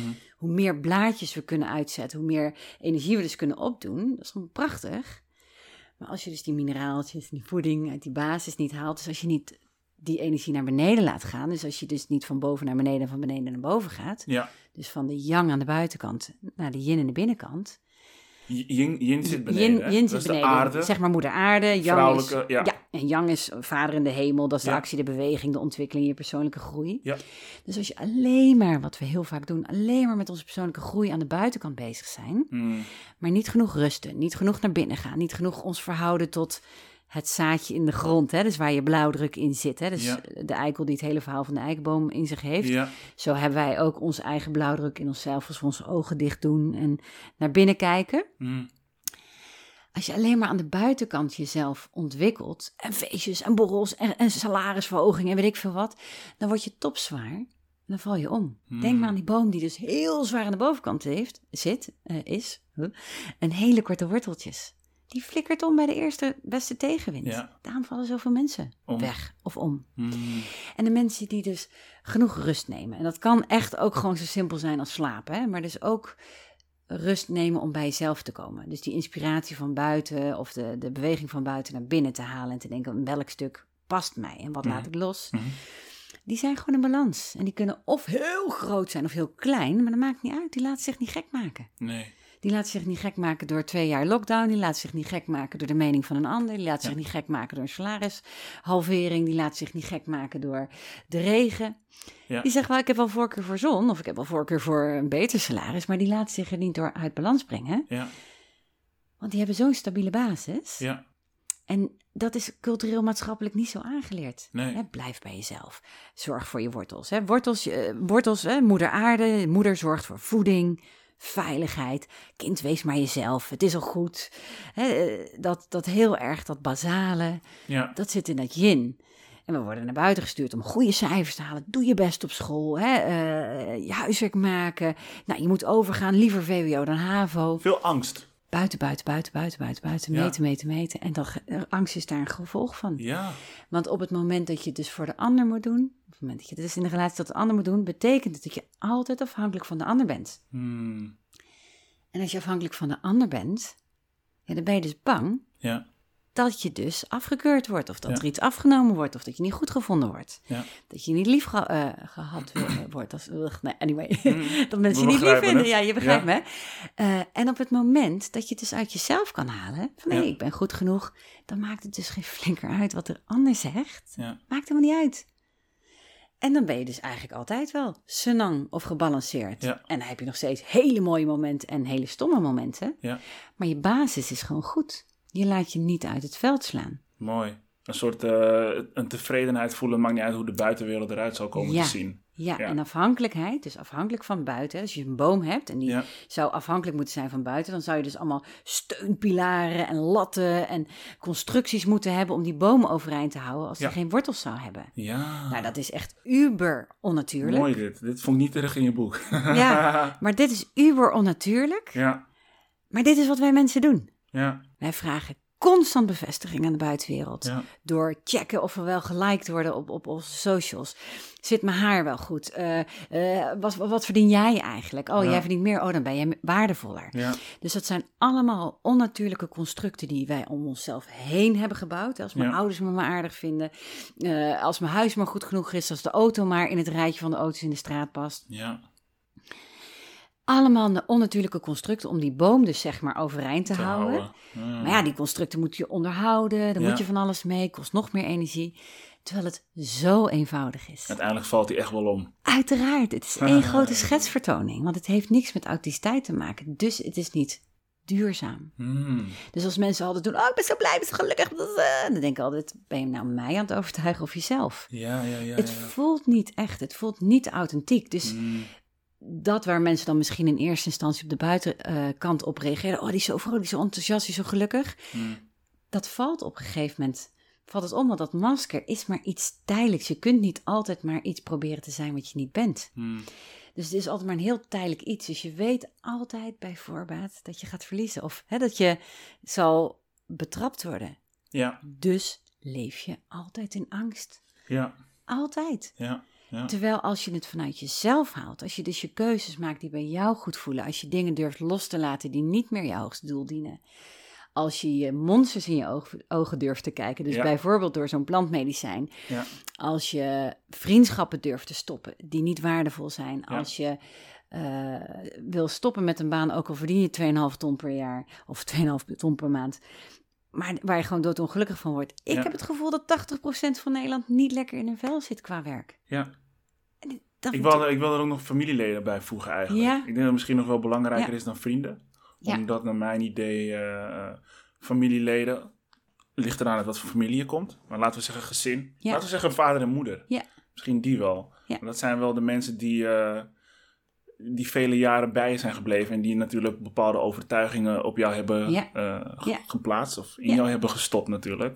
En dat is, dat zijn hele, dat is, dat is best wel moeilijk om van af te komen. Zeer. Dus ik, ik denk in veel gevallen zijn mensen ook om die reden nog heel ongelukkig. Niet alleen omdat ze bepaalde vrienden hebben, maar omdat ze nog steeds bezig zijn met. Eh, of nog steeds overtuigingen dragen die, eh, die van hun ouders zijn. Die ze zo moeilijk kunnen loslaten omdat ze hun ouders niet willen teleurstellen. Absoluut. Ja. Dus die wilde ik er ook even. eh, ja, en er zijn een paar dingen over te zeggen. Eén daarvan is dat ik, ik er blind van overtuigd ben dat elke ouder heeft gehandeld naar beste kunnen. eens. Dus dat niemand iets te verwijten valt dat ze het expres slecht hebben gedaan. Ja, Daarmee zeg ik niet dat er geen slechte ouders zijn. ja, Op het moment dat een ouder helemaal lekker in zijn vel zit, gewoon gebalanceerd is en zichzelf is, geeft hij het voorbeeld aan, zich, aan het kind. ja, Een plaatje zegt veel meer dan duizend woorden. ja, Dat het kind ook zichzelf mag zijn. ja. Maar ja, hoeveel mensen ken jij die door twee ouders opgevoed zijn, die volledig senang zijn? Ik Ja. heb een aantal van je podcasts zitten luisteren, natuurlijk Ja. hartstikke leuk. Dus ik leerde daar ook over jou, weet je wel. Maar Ah, iedereen heeft een verhaal te vertellen. Ja. En de generatie voor ons, dus onze ouders, wij schelen iets in leeftijd, maar ehm, is opgevoed door eh, de, de babyboomers. En hun ouders kwamen uit de oorlog en die zeiden, we willen het er niet meer over hebben, we kijken naar voren, niet zeik, je hebt de oorlog niet meegemaakt. Dus er zit nog heel veel scheefstand. Er zit nog heel veel oud zeer, er zit nog heel veel Trauma. eh, collectief trauma. Ja. Er zit nog heel veel joh, ik- je wil niet weten hoeveel mensen in mijn praktijk zeggen... ja, over gevoelens daar hebben we niet leren praten. Zeiken, dat mocht niet. Ja, nee, maar ik wil mijn ouders niet... Dus we kennen dat allemaal. Hmm. En ik wil dus aan de ene kant zeggen dat volgens mij ouders altijd het beste hebben gedaan wat ze op dat moment Konden, konden. ja. Ook al was het maar heel weinig. Ja. Ze hebben het altijd gedaan met de middelen die ze hadden. Hadden ze meer middelen of meer inzicht, hadden ze het ongetwijfeld beter gedaan. Ja. Dus ik hoop dat daarmee altijd een vorm van vergeving. Hè, want Ja. als je iemand niet kan vergeven, heb je met name zelf daar heel veel Ja. last van. Ja. En het tweede is daar waar je dus echt geen relatie met je ouders meer kunt vinden. Mhm. Mijn moeder zegt altijd heel mooi: je hebt je kinderen maar te leen. Dus Mhm. die heb je 18 jaar, ja, krijg je mee. En daarna is het hopen dat je, alles wat jij belangrijk vindt, dat je het mee hebt gegeven. En daarna Ja. mogen ze het verder gaan door eh, ontwikkelen. Dus na 18 jaar hebben je ouders echt wel alles erin gestopt wat zij dachten dat belangrijk was. Dus Ja. daar is die leercurve is een beetje afgerond. Er is natuurlijk altijd nog wat van elkaar te leren. Maar hè, die steile leercurve in die, in, die, in die opvoeding is een beetje klaar. Waarom zeg je 18 jaar trouwens? Ja, eh, give or take, weet je. Ja, het kan oké, oké. 16, het kan 23 jaar zijn, maar een beetje, eh, omdat we beseffen dat dat een beetje de leeftijd is. Volwassen. Waar, het wordt volwassen, kun je ook heel veel over zeggen, maar Daar dat gaan we het ook nog even over hebben, inderdaad. Ja. Maar na je 18 is de bedoeling, of 30ste, hè, de- eh, iedereen zijn eigen leeftijd, maar dat je het zelf gaat doen. Ja. En je vader en moeder zijn 18 jaar daar om hetgeen wat zij vinden wat jij nodig hebt om zelfstandig te kunnen worden, Ja. aan jou te geven. Ja. En daarna houdt het dus niet op met groeien. Volgens mij begint het dan pas voor de persoon echt Mm. dat het kind het zelf, Zelf. mag gaan doen. En die mag dan gaan kijken: hé, hey, wat heb ik van mijn ouders meegekregen wat ik absoluut wil houden? Ja. En waar zeg ik nee, dankjewel tegen? Ja. Dus wat past mij wel, wat past mij niet? Hè? Ja. Zie het met kleren, dat je altijd kleren moest dragen die je ouders voor jou kochten. En dat je op een gegeven moment op kamers gaat en denkt: ja, dat gaat er sowieso in eerste instantie gelijk uit. Mm. En die broek neem ik mee of die jas. Ja. En daarna begint het echt te leren pas. Ja. En mensen die dan zeggen, ja, maar ik heb nooit een vader of een moeder gehad, of eh, vroeg overleden, of ze waren er sociaal, niet, emotioneel niet voor me. Dan kan je daar een geruststellende gedachte op plakken. Dat een veel grotere symbolische moeder en een Mhm. veel grotere symbolische vader Mhm. er voor jou zijn. Dat is Mhm. moeder aarde. Je wordt altijd gesteund eigenlijk. Ah, she's got your back, 24-7. Ja, ja, Als ja. jij omflikkert, je valt altijd terug op moeder aarde. We worden nu ook gesteund. Wij worden nu ook gesteund en we worden gevoed door moeder aarde. En Ja. ze geeft ons veiligheid, weet Ja, je wel? ja. En, en, en vader in de hemel, hè, zonder het religieus per se te hoeven maken, maar dus de inspiratie, Mhm. de, hè, de- jezelf willen ontwikkelen naar de buitenkant, Mhm. is er misschien nog wel veel meer op het Ja. moment dat je onder het juk van je ouders weggaat. Ja. Ook weer hier een voetnoot plaatsen dat niet moeders alleen maar voor het eten zorgen en vader alleen maar voor de inspiratie. Hè. Het blijft symbolisch en ik begrijp natuurlijk dat moeders ook goed kunnen inspireren en vaders heel goed kunnen voeden. Ja. Maar heel erg in die symboliek, hè, moeder aarde, voedend, veiligheid, authenticiteit. Ja. Vader in de hemel staat symbolisch voor eh, beweging, actie, groei, Ja. et cetera. Eh, maar dus als jij een hele slechte jeugd hebt gehad, Ja. Komen daarna de grote leermeesters om de hoek om jou verder te helpen. Hmm. En eh, kun je nog steeds een hele grote groei doormaken. Dus als jij het in je hebt om je ouders te kunnen vergeven, of een van je ouders, dat ze niet daar hè, dat stuk hebben kunnen doen wat jij echt heel erg graag van ze, hè, van, van ze had willen hebben. Ja. En je vervolgens, want doordat je ze kunt vergeven, bevrijd je jezelf. Ja. En kun je al die inspiratie die er nou, letterlijk voor het oprapen is, kun je tot je nemen. Ja. Als je boos bent, Ja. gefrustreerd bent, eh, angstig bent, zit je dus weer in die adrenaline. Ja. Ja, daar gaan we weer. Ja. Dan zit je niet in je creatieve, vrolijke, eh, ik ga iets moois van mijn leven maken. Hmm. Hoeveel mensen wel niet in het verleden leven? Ja. Oh, ja maar hij, ja maar zij, mijn moeder, mijn vader, mijn zus, mijn broer, mijn vriend, mijn ex, weet ik veel wat. Waarmee ze een hele andere toekomst creëren ook. Ja, geen toekomst. Die herleven gewoon de hele tijd het verleden. ja, ja, ja, ja. Dus je bent constant op het gif van het verleden aan het draaien. Ja, dat is geen, Ja. geen vruchtbare voedingsbodem. Nee. Maar als jij zo'n vreselijke jeugd hebt gehad en je bent dus uit die giftige omgeving gestapt, Ja. welkom in de vruchtbare wereld. Mooi. Want er is zoveel, er zijn Hm. zoveel mooie mensen, er zijn zoveel mooie mogelijkheden. Ja. Alles kan. En het enige is, en dan kom ik weer met waar we het net over hadden, we lopen een beetje in cirkeltjes, wet van de vrije wil. Hm. Maak jij die keus om het verleden daar te laten en de lessen eruit te leren, van dit wil ik in ieder geval niet, want je wil niet weten hoeveel mensen boos zijn op een vader of een moeder, omdat hij altijd boos was. En dan denk ik, ja, de, maar nu doe je hetzelfde. Je bent heel boos. Je bent Ja. alleen maar boos. Ja, dat in stand eigenlijk. Je vindt je vader eh, of je moeder een stomme mens omdat hij altijd boos was. En nu ben je zelf heel boos, weet je wel? That's odd. En dat is heel mooi als mensen dat doorhebben, want dan draait er wel Dan echt gaat iets. En dan ze, dan, dan gaat het gebeuren. En dat is eh, je eigen monsters in de ogen kunnen kijken. Als Ja. je dat doorhebt, Ja. wow.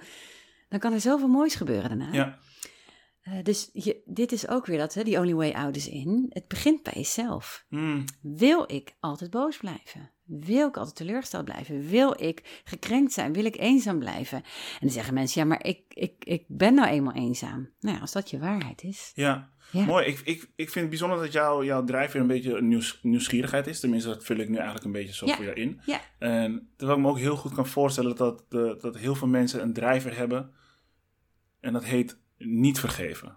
Mhm. Ja, Waardoor ze allerlei dingetjes doen om, eh, eh, ja, om hunzelf te bewijzen. Dat denk ik een beetje. Ik denk dat heel veel mensen daarmee zitten. Het gevoel van onrecht. ja, En is mij onrecht aangedaan? ja, Eh, door wie dan ook. Ja. Vaak door, door, door ouders die ons Ja. niet helemaal ons plek hebben gegeven of, Ja. of ons klein hebben gehouden. En ik vind het wel echt een hele belangrijke om toch te, heel belangrijk. toch te vergeven. En dan, wat, wat voor mij makkelijk heeft gemaakt eigenlijk is om mijn ouders niet te verwijten van bepaalde dingen.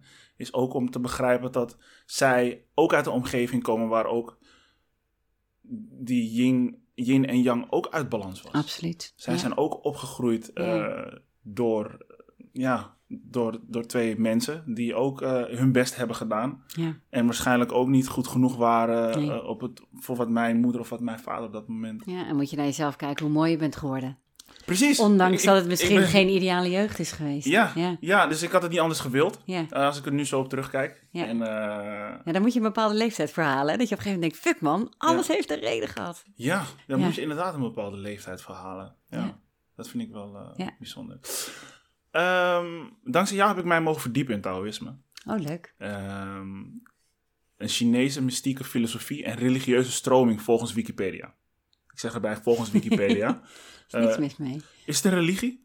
Nee, nee, nee, nee. Nee, nee een religie heeft, eh, eh, ik moet uitkijken wat ik zeg. Een religie heeft regels en soms dogma's. Hè? Het moet Klopt, zo. ja. En, Ja. en, en, en, en wat ik heel vaak zie, en niet bij elke religie en ook niet bij iedereen die religie aanhangt, maar wat je vaak ziet is: ik heb de waarheid, jij spreekt onzin. Ja. Ik ben goed, jij bent slecht. En in, in de extreme Ja. gevallen, ik ben goed, dus jij moet dood. Hè? Dus je kunt dat in heel veel verschillende gradaties zien. Ja. Maar volgens mij, op het moment dat je daarin schiet, in, in regels, wat goed en slecht is, Ja. schiet je wat mij betreft alweer van het pad van Taoïsme. Of, Ja. eh, eh, eh, want volgens mij is iedereen gelijk, is iedereen goed, is iedereen naar evenbeeld van God geschapen, of Ja. is iedereen een stukje natuur, of weet je, je kunt er duizenden bewoordingen Mhm. op zetten, maar iedereen is precies hoe die mag zijn. We Ja. doen wel slechte dingen, maar we zijn niet slecht. Hm. En ehm, volgens mij, als je dus in balans komt met je, met je yin en je yang, of je, je hoe je naar de buitenkant gaat vanuit hoe je je van binnen voelt, als dat in balans is, draag je het uit dat je goed bent. Dan Hmm. zit je dus lekker in je vel, hè, heel aards gezegd. Dan voel je je goed en dan gaat het leven lekker. Hm. En op het moment dat je dus uit balans bent, dan gaat het leven niet lekker en dan ben je dus niet gelukkig. Hm. Maar er zit ook een ander stukje in. En volgens mij, ik, moet, ik weet niet zeker of het Taoïsme daar ook heel expliciet over is. Maar we zijn ook allemaal één. We zijn allemaal met elkaar direct, natuurkundig bewezen, be- direct met elkaar verbonden. Dus op het moment dat jij iemand anders buitensluit of afkeurt of zegt dat jij beter bent, maak je dus een onnatuurlijke keuze, want je bent die ander. Hm. Daarom zegt ze ook, als je een ander veroordeelt, veroordeel je eigenlijk jezelf. Want je Ja. bent die ander. En op het moment dus dat eh, bij Taoïsme en bij, dus bij de Oosterse filosofieën leer je dus in balans te leven. Ja. Het yin-yang concept in, in balans te brengen. En er zijn duizenden manieren voor en ze zijn niet allemaal met elkaar eens. Maakt niet uit. Maar het gaat dus over dat je met jezelf in het reinen komt. Ja. Dat, je, dat je, wat er ook buiten je gebeurt, leuk of stom. Dat je, equanimity is geloof ik het woord wat ze dan Sorry? gebruiken. Equan, equanimity, gelijk, Equanimity. gelijkmoedigheid. Gelijkmoedigheid. Vergeef me als ik het fout zeg hier. Ja, ja. Eh, dat is waar ze naar streven. Ja. En dat is die balans tussen wit en zwart, tussen Ja. buiten- en binnenwereld. En bij religies moet je vaak van alles doen aan Ja. de buitenwereld. En dan, hè, als je daar niet aan houdt, dan val je dus alweer buiten het vermogen om in balans te raken. Ben je eigenlijk geen onderdeel meer van, van, van de eenheid. Ja, Of, ja, Ja. dat is hoe ik het zie. Moet ik wel heel eerlijk bekennen dat ik, ik ben niet heel bekend met religies. Nee. Het enige wat ik eigenlijk weet van religies zijn de religieuze mensen die, die mij er wat over hebben verteld. Maar ik heb zelf nooit echt een boek opengeslagen. Nee, Dus dan nee. vind ik het altijd lastig Ja. om, om erover te praten. Ja. Dat durf ik eigenlijk niet. Uh, maar het geeft mij wel vaak het gevoel dat er altijd wel een bepaalde voorwaarde aan hangt. Ja. Waardoor ik zoiets heb van, oké, ik, don't know, ik vind het oké Ja. zo. Maar goed, mensen, beste mensen, luisteraars, ik, eh, ik heb nog nooit een boek opengeslagen, dus Nee. ik, ik weet het niet. Nee, en de interpretatie van de leer van de wijze wordt vaak ook gebruikt om macht uit te eh, oefenen. Hè? Ja. Dus als je leert, er zijn, je hebt de, de oude zee, eh, sea scrolls, de, de zeerollen, die heel lang verboden zijn geweest. Ja, Daar staat een heel ander en veel uitgebreider verhaal in Ja. dan bijvoorbeeld in de Bijbel. Ja. De Bijbel is heel veel weggehaald dat je denkt, oké, nu begrijp ik het een en Ah. ander. Hè? Dus de vrouw is gewoon best wel eruit gehaald. interessant. Super interessant. Oké, hier wil ik wel meer over weten, sowieso. Eh, maar niet per se voor in de podcast. Maar in de, in de traditionele Chinese geneeskunde geldt een gebrek aan emotionele harmonie als een van de belangrijkste inwendige oorzaken van ziekte. Ja. Eh, eigenlijk kan je dan wel zeggen dat een gebrek aan emotionele intelligentie een van de belangrijkste eh, inwendige oorzaken zijn van ziekte. Ja. Dus we moeten allemaal gewoon weer emotioneel intelligent worden. Ja. Is dat wat jij dus eigenlijk doet als acupuncturist? Wat ik probeer te doen, zeker. Ja, Ja. Wat, ik al, eh, wat ik probeer te doen, is mensen meer in balans te krijgen. Hè? Dus dat is heel makkelijk gezegd. Ik probeer Ja. ze meer zichzelf te zijn, Ja. eh, eh, laten zijn. Ja. En hoe meer mensen zichzelf zijn, hoe betere keuzes ze kunnen maken, et cetera. Dus ik, ik kan ze alleen maar meer helpen. Ik doe het eigenlijk niet eens voor ze. We doen het samen, maar zij moeten het doen. Hè? Dus ik, kon ik maar iedereen in balans krijgen, dan, was ik, eh, dan liep ik langs elke deur en zei ik, ding dong, ik kom je redden. Dan was ik binnen drie jaar ik de hele wereld gered. Zo werkt het niet. Hè? Iedereen moet het zelf doen. Maar vaak omdat ze zich laten inspireren door de buitenwereld willen, hè, daarom voor, voor, voor betalen, komen ze in beweging. En dan ben ik een soort van ja, begeleider daarin. Hmm. Maar ja je, je, ja, je werkt zeker aan emoties. Hmm. Kan je ook zien aan de hoeveelheid aanmeldingen die jij nu krijgt of er nou een verschuiving is in, in, eh, in, in- Ja. ja, hoe zeg je dat? Een verschuiving is in ons bewustzijn, om Ja. het zo maar te zeggen. ja, het kan ook zijn dat het komt omdat er een verschuiving in mijn bewustzijn zit, dat ik andere aanmelden krijg. Dat weet ik niet, hè? want je, je trekt aan wat je bent. Hè? Dus ik, ja, ja, ja. Ik zie veel meer verdieping en veel meer allesomvattendere behandelingen dan voorheen. Hè. Voorheen was het veel meer klachtgestuurd. Mensen Ja. komen nog steeds wel met een klacht binnen, maar de, de behandeling is veel dieper en breder. En, en, hè, dus mensen zeggen, jeetje, ik, ja, ik kwam hier omdat mijn knie pijn deed, maar ik voel me zoveel meer mens. Hè, bijvoorbeeld. Prachtig compliment trouwens, dankjewel Ehm, eh, ik zie wel dat er veel meer diepgang in de behandeling in zit. Maar het kan ook zijn omdat ik daar gewoon veel meer behoefte aan heb. En dat mensen die gewoon recht toe, aan een naald, energie, hup, hup, eh, dat die überhaupt dus bijvoorbeeld al niet naar mij toe komen. Dat kan natuurlijk ook. Ja. Hoe zit het met de leeftijden? Waar moet ik aan denken? Oh ja. ehm, nou, eh, mijn oudste, oudste aanmelding was, nee, is 89. Wat mooi. Ja, prachtig. Vind je niet? Dat Ja? is toch fantastisch? Wat was de, wat was de klacht als ik vraag? Eh, zeker. Ehm, eh, kaken. Dus hij, had, hij klemde zijn kaken, had zoveel pijn. Dus het is geen aangezichtspijn, maar zoveel stress op die kaken. En dit was een klas- klassiek verhaal van iemand die zichzelf zijn hele leven heeft verbeterd.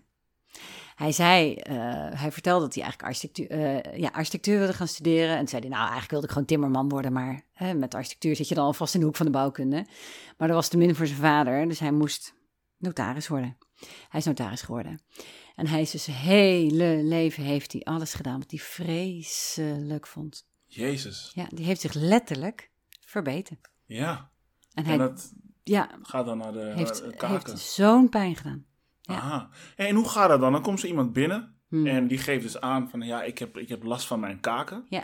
Ehm, dan kan ik me heel goed voorstellen dat jij allerlei aannames doet. Wat je natuurlijk nog niet uitspreekt. Ja, daar moet ik mee uitkijken, ja. Precies, ja, toch? Ja, ja zeker. Ja, ja, maar we doen, we doen het allemaal. ja En dat je zeker. allerlei aannames doet. En gaat er dan ook zo'n belletje rinkelen bij jou van... Aha, dit is, dit is iemand die... eh, zijn chakra is misschien Ja. niet in orde. Of... Ja. eh, Ehm, ik heb geleerd om zo dom mogelijk te zijn. Dus om, En Ja. ik heb een goed stel hersenen, maar ik probeer zo min mogelijk na te denken tijdens de behandeling, maar er Ja. zoveel mogelijk te zijn. ja, ja, ja, ja. En daar zit, dat is een fine line, hè? want wanneer zit je in je hoofd en wanneer zit je in je lijf, dat is, Mm. eh, is maar ik, ik heb altijd zo'n, mensen die bij mij in de praktijk komen, die herkennen dit enorm, zo'n aha, ik- oh, ik weet het, weet je, dan schiet het omhoog en dan Mm. komt het van onder, dan is het een soort van, Mhm. ik onderbreek bij, wij spreken iemand, Ja. omdat le- letterlijk, het, ik zeg altijd, oh, het kwartje valt, oh, Ja. ik zie het, oh, ik zie wat je doet. Ja. Dus dat zijn uitspraken waarin ik denk, oh ja, wacht even, mijn onderbewustzijn onderbewustzijn of mijn, mijn diepere weten of wat dan ook, die spreekt. Hè, maar dan ben ik echt connected met de persoon. Dan Ja. voel ik gewoon, weet je wel, dus de woorden zijn een ding, maar opeens is het een bepaald woord. Ja, En die triggert iets bij mij. Dat is Ja. een van de manieren. Eh, maar ik, ik kan ook testen. Ik kan ook energie testen met een biosensor. Is gewoon een, ja, weet je, sommige mensen doen het met een pendel. Dit is een wat geavanceerder apparaat. ja, Maar als je beseft dat jij voor 99% eh, energie bent. ja. En energie is te meten. Je kunt het niet zien. Dat is altijd een beetje vaag. Mm. Maar je kunt het wel meten. Mhm. En eh, je hebt net zoals bij een elektriciteitskabel in de muur. Je kunt niet zien of er energie doorheen gaat. Maar je kunt het wel meten. Mhm.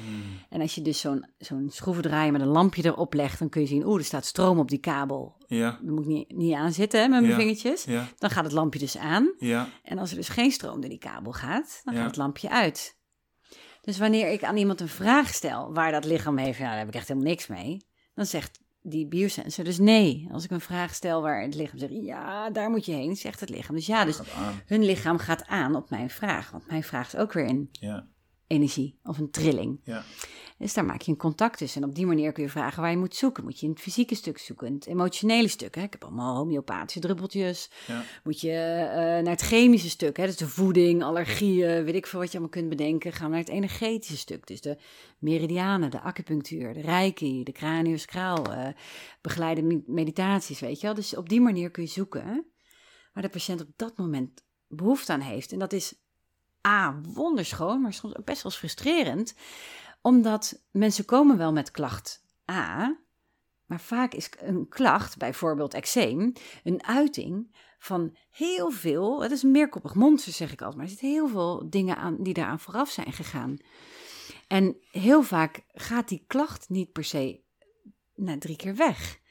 Maar al die, die, die, die steunpalen waar dus zo'n klacht op, op gefundeerd is, die haal je één voor één weg. Maar de energie bepaalt, jouw lichaam bepaalt, wat het belangrijkste is om mee te beginnen. Mhm. Dat is iets anders dan een klacht wegtoveren. Mhm. En dat is heel vaak ingewikkeld voor de patiënt, omdat ja, we zitten toch een beetje in een maakbare wereld. We willen gewoon een pil en van de problemen af zijn. Klaar. Ja. Maar ja, als jij al 40 jaar een leven leidt wat, wat jouw leven niet is, en jij verwacht van mij dat ik na drie keer behandelen alle problemen als sneeuw voor de zon doe verdwijnen, Ja. dan ja, dat is ook, vind ik, een belediging naar het leven toe. Want zo, zo zit het dus niet in elkaar. Het is Ja. A, niet dat een ander het voor je doet. Maar het is B ook, je hebt 40 jaar jezelf, ik noem het even heel onaardig, mishandeld of misbruikt of heel onnatuurlijk neergezet. ik vind mishandeld wel een goed woord daarvoor eigenlijk. En dan verwacht je dus dat we daar niet naar gaan kijken, maar dat ik alleen even aan de buitenkant een pleistertje plak. En iemand kwam ooit met de analogie van, als je een auto rijdt en je ziet opeens een lampje branden van eh benzine is op. Ja. Eigenlijk wil dus, willen veel mensen dat er gewoon een stickertje overheen gaat. Of, nou oké, weet je wel, we doen het dashboard open en we draaien het lichtje uit. We hebben een hele operatie gedaan, weet je, of Ja. zo. Ja. Nu kunnen we er tegenaan. Ja. Ja, weet je, je, je snapt bij deze al, dit gaat helemaal nergens over. Nee. Want ja, dat lampje kan wel niet branden. Je kan geen toontje horen. Ja, de benzine is nog steeds opgast, hè?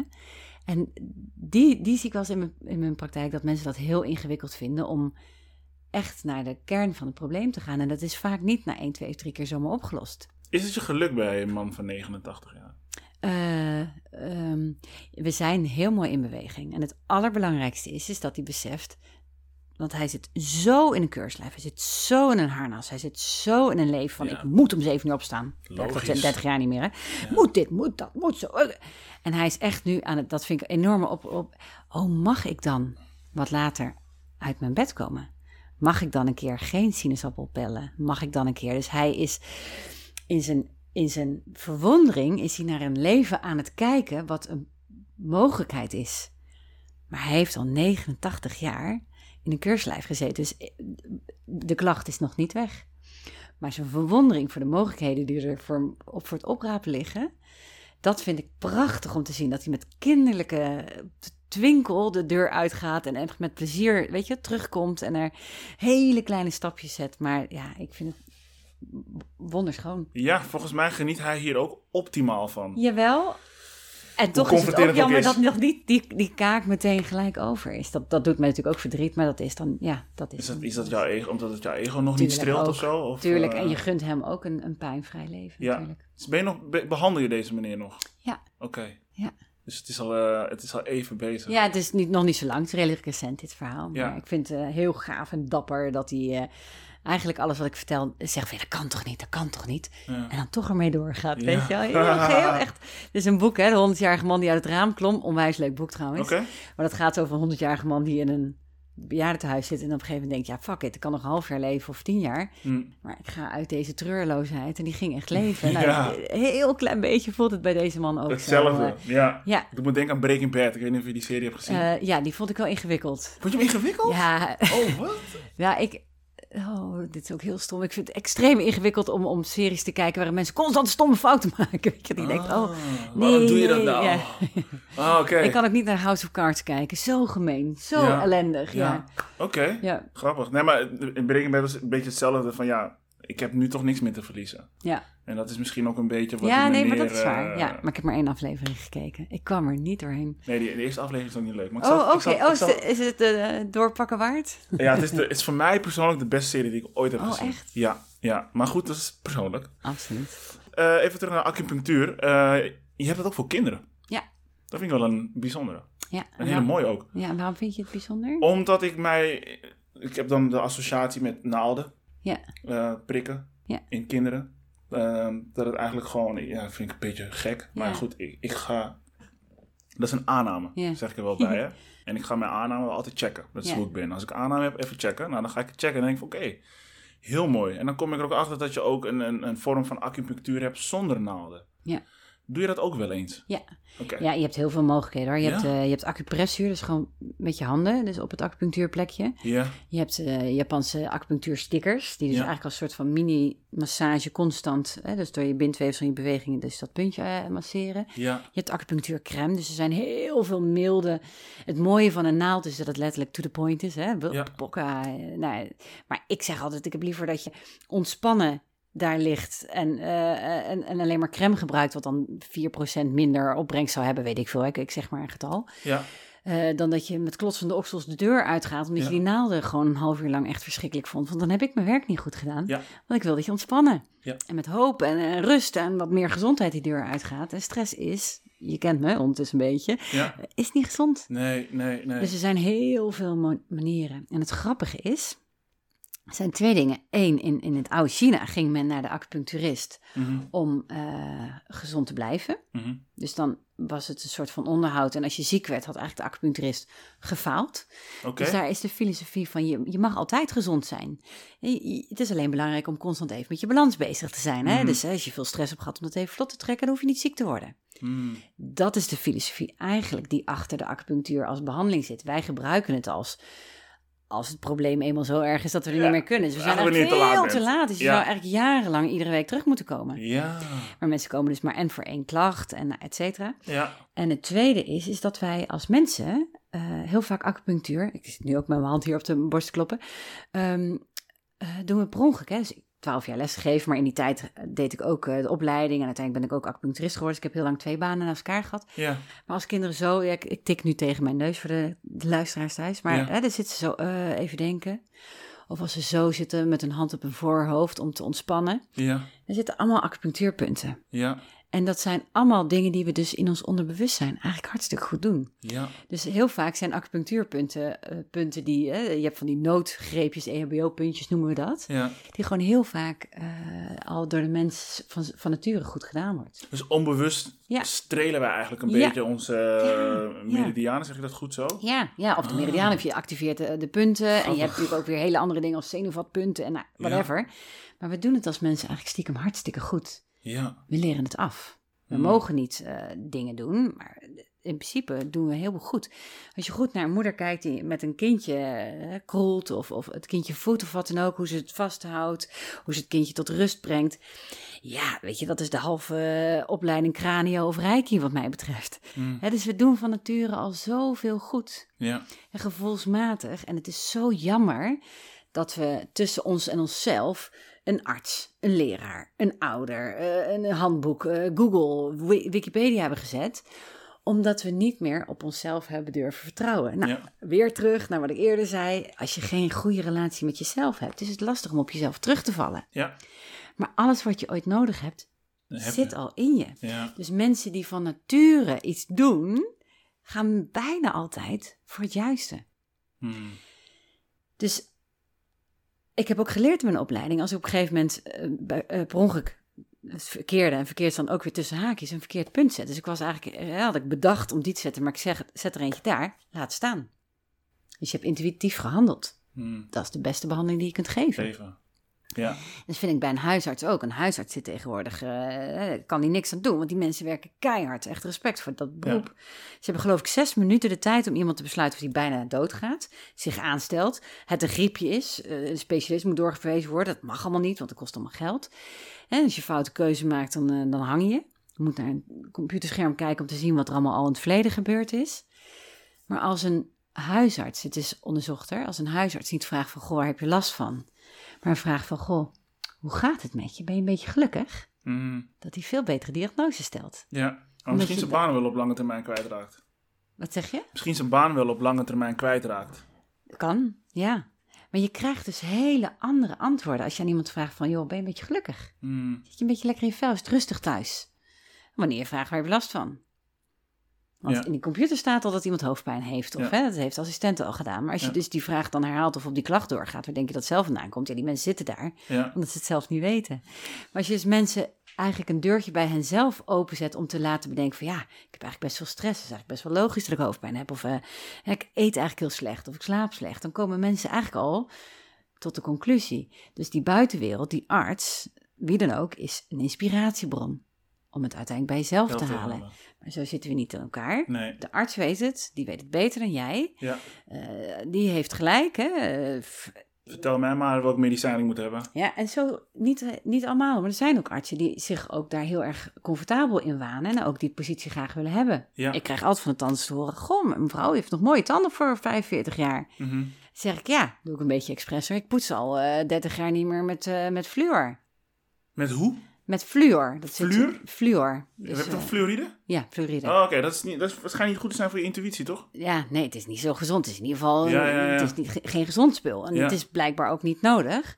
Oké. Eh, maar de tandarts wordt dan boos en zegt hij, mevrouw, u moet wel met fluor poetsen. Want anders Mm. krijgt u rotte tanden. En ik denk, ja, 45 jaar geen gaatjes. Eh, Weet je, heb je het, zal wel- gekeken of niet? het zal meevallen. Ja.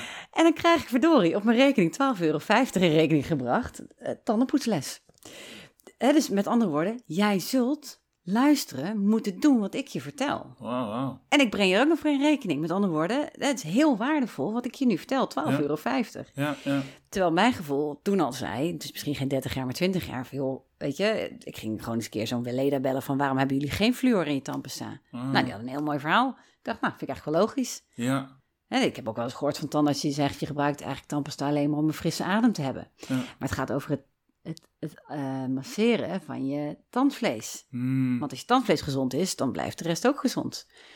Nou ja, anyway, Zo eh, logisch. Eh, heel verhaal. ja. Eh, wel of niet fluor is ook helemaal niet belangrijk. Maar voor mij was het gevoelsmatig niet nodig. Maar Mhm. daardoor heb ik wel iets wat niet per se gezond is voor je... uit Mhm. mijn dagelijkse gebruik gehaald. Hmm. denk ik, nou, weer eentje ge- gewonnen. Ja, Maar de meeste mensen zullen die keuze niet maken... want de tandarts zegt dat ze moeten. ja. Je wil niet weten hoeveel mensen ik in mijn praktijk heb... die zeggen, ja, ik wil eigenlijk die pillen niet, maar het moet van de dokter. Oh ja. Dan zeg ik altijd van, ik zal nooit advies uitbrengen voor de medicijnen. Dat is niet aan mij, maar ik Nee. vraag altijd wel, waarom voelt het dat? Ja, ik heb het gewoon niet nodig, doet me niet goed, het zit niet lekker. En dan zeg ik, ja, weet je, misschien moet je het dan een keer bespreekbaar maken. Of misschien kijken of je kan verminderen. Ja, mensen vinden het doodeng, want de arts heeft gezegd dat het moet. Ja, ja, Maar hun gevoel zegt heel duidelijk, flikker op die klote. Ik word er duf van, ik word er moe van. ja. Je moet voor de gein bijwerkingen lezen van cholesterolverlagende middelen. Dat is geloof Ja. ik een van de meest voorgeschreven medicijnen ter wereld. Of in ieder geval Nederland. Als je dat leest, denk je zo. Als je wil zelfmoord plegen, dan... eh, dat is echt... eh, je lijf gaat pijn doen, je hebt nergens meer zin in. Zo ga je je voelen. Duf. Maar ja, je moet cholesterolverlagende pillen. Ja. Jeetje. Zou jij je kinderen gauw naar de huisarts sturen? Ja, Ja? ik vind eh, een huisarts fantastisch voor acute problemen. Aha. Dus eh, een, een ontsteking of eh, botbreuken of open wonden. Of, Ja. Ik denk dat als er een chronisch probleem zou zijn, dat ik andere wegen zou behandelen. Nee, dat zelf- denk ik niet, dat weet ik zeker. ja, Zou doen. Sta je dan al klaar met je naalden? nee, ik Nee? vind het heel ingewikkeld om, om therapeut van mijn eigen gezinsleden te Oh, zijn. ja? Omdat ik ook heel eerlijk besef dat ik ongetwijfeld ook onderdeel van het probleem kan zijn. Hè? Aha. En je bent altijd blind voor je eigen fouten, of in ieder geval grotendeels blind voor je eigen fouten. Mooi dat je dat zo zegt, ja. Ja, ik, ik ben daar heel streng in. Ik- Ja. En ehm, eh, ik, ik zou eigenlijk ook willen dat heel veel mensen daar iets vaker over nadenken. Ja. Want omdat je onderdeel van het probleem bent en blind voor je eigen probleem bent, kun je maar heel zeilings kijken. En Ja. je kunt ook richting wishful thinking gaan, ja. wat iets anders kan zijn dan de waarheid. Kan je dat nog één keer herhalen? What show? Wish, eh, wishful thinking. Wishful dus, thinking. dus doen alsof, nee, maar ik ben een hele goede moeder, dus aan mij kan het niet liggen. Ja. Dus het ligt aan de vader, want ik irriteer me aan mijn vader die nooit die kinderen Ja. genoeg aandacht geeft. En dan kan je zeg maar je behandeling zo sturen Ja. dat dat die uitkomst gaat krijgen. Ja. En dat is, ja, heel veel mensen pendelen. En dat wordt ook heel vaak, eh, je kunt, eh, als je je gevoel wilt checken, ga even pendelen bij jezelf. Mm. Ik zou daar heel voorzichtig in zijn. Want je kunt gewoon die pendel hartstikke beïnvloeden. Ja. En je moet wel heel leeg in je hoofd zijn. En jezelf echt kunnen uitzetten. Ja. Voordat je zuiver kunt testen. Mm. Maar als je je hoofd een beetje erbij inzet, dan komt dat hoofd, die dus zegt: Ik ben perfect of aan mij ontbreekt niks, of ik ben juist heel slecht of aan mij ontbreekt alles, die gaat meedoen in het antwoord. Mm. Dus als je energie test, moet je gewoon een heel leeg kanaal zijn. En daarom test ik dus heel graag onbekende mensen. Ik heb ban ook wel eens vrienden, maar toch minder. En ik test heel vaak dingen blind. Hè? Dus de emoties, de voeding. Ik test alles blind. Ja. Want stel je voor dat ik denk inderdaad, oh je hebt keelpijn. Nou dan zou je wel dat druppeltje en die voeding moeten hebben. Dan kan ik hem zo uithalen. Ja hoor, dan zegt mijn pendel echt wel ja. Ja. Dat kan ik gewoon regelen. Uh, Maar dat is niet zuiver. Want het is niet aan mij om te besluiten wat jij nodig hebt. Ik heb geen idee, jij weet het amper zelf. Het is aan mij om samen met jou te kijken wat jouw lichaam zegt dat hij nodig heeft. mm. En als ik dus mijn eigen kinderen... Ik ken heel goede andere therapeuten waar ik ze gewoon blindelings heen Ja. zou sturen. Je hebt je netwerk eh, Ja. gelukkig wel Ja. daarvoor. Ja, en eh, ik schaam me er niet voor. En ik zeg ook altijd, al moet ik met modder op mijn hoofd achteruit in mijn naakje over straat rennen. Als dat hetgene is wat mijn lichaam of mijn kinderen nodig hebben, doe ik het. Mooi. Wat, eh, wat doet jouw man eigenlijk voor werk? Ah, die zit in de bouw. Ja. Die zit bij een groot bouwbedrijf en die helpt met de verduurzaming of de, eh, de innovatie in, in, eh, in, het, in, in het bouwen. En het bouwen is eigenlijk, vroeger was het gewoon eh, knallen, rijtjes, Ja. wijken, hup, gaan. En tegenwoordig wil men veel meer op maat en zo. Maar er is ook natuurlijk wel een heel groot vraagstuk met betrekking tot gebruik van grondstoffen, vervuiling, energie. Het is en heel veel duurder, maar het is ook maatschappelijk niet meer verantwoord om eh, gewoon als een hufter eh, een soort van eh, misbruiker van grondstoffen te zijn. Dat kan gewoon eigenlijk niet meer. Dus hij werkt heel veel met jonge ondernemers die fantastische ideeën hebben, maar dat niet kunnen vermarkten omdat ze het middel niet hebben. Dus hij hoopt de bouw een beetje in de goede richting te, te duwen. Interessant. Zo heb jij eigenlijk het stukje architectuur ja, nog niet helemaal losgelaten. Nee, nee. Het wordt nog besproken. Ja, ja ik, heb, eh, ik heb verschillende opleidingen en cursussen en eh, dat soort dingen gedaan. En uiteindelijk gaat het er bij mij om. En hij heeft dat ook, maar hij gaat dus meer. Hij zit meer in het fysieke stuk. Ik ben dus meer in het energetische stuk in het werk gegaan. Ja. Maar we hebben alle twee enorm de wens om de wereld meer kloppend te krijgen. En dan niet wat ik kloppend vind. Want ik heb natuurlijk wel qua architectuur of qua interieur of qua wat dan ook heb ik wel een mening. Dat is een, dat is een smaakding. Maar kloppend in de zin van dat het voor iedereen meer past. Ja. En eh, als je dus beter omgaat met materialen, beter duurzaam bouwt voor de toekomst, et cetera. Dat is een kloppend ding. Hè, dus het is heel grappig dat architectuur van honderden jaren geleden nog steeds mooi gevonden wordt. Terwijl wij de architectuur van 40 jaar geleden spuuglelijk vinden. Mhm. Something went wrong there, weet je. Dat ging niet helemaal lekker. Dat is Mhm. eigenlijk heel gek dat er weer gebouwen na 30 jaar afgebroken moeten worden. Terwijl er constructief niks mis mee is. En waar heeft dat mee te maken dan?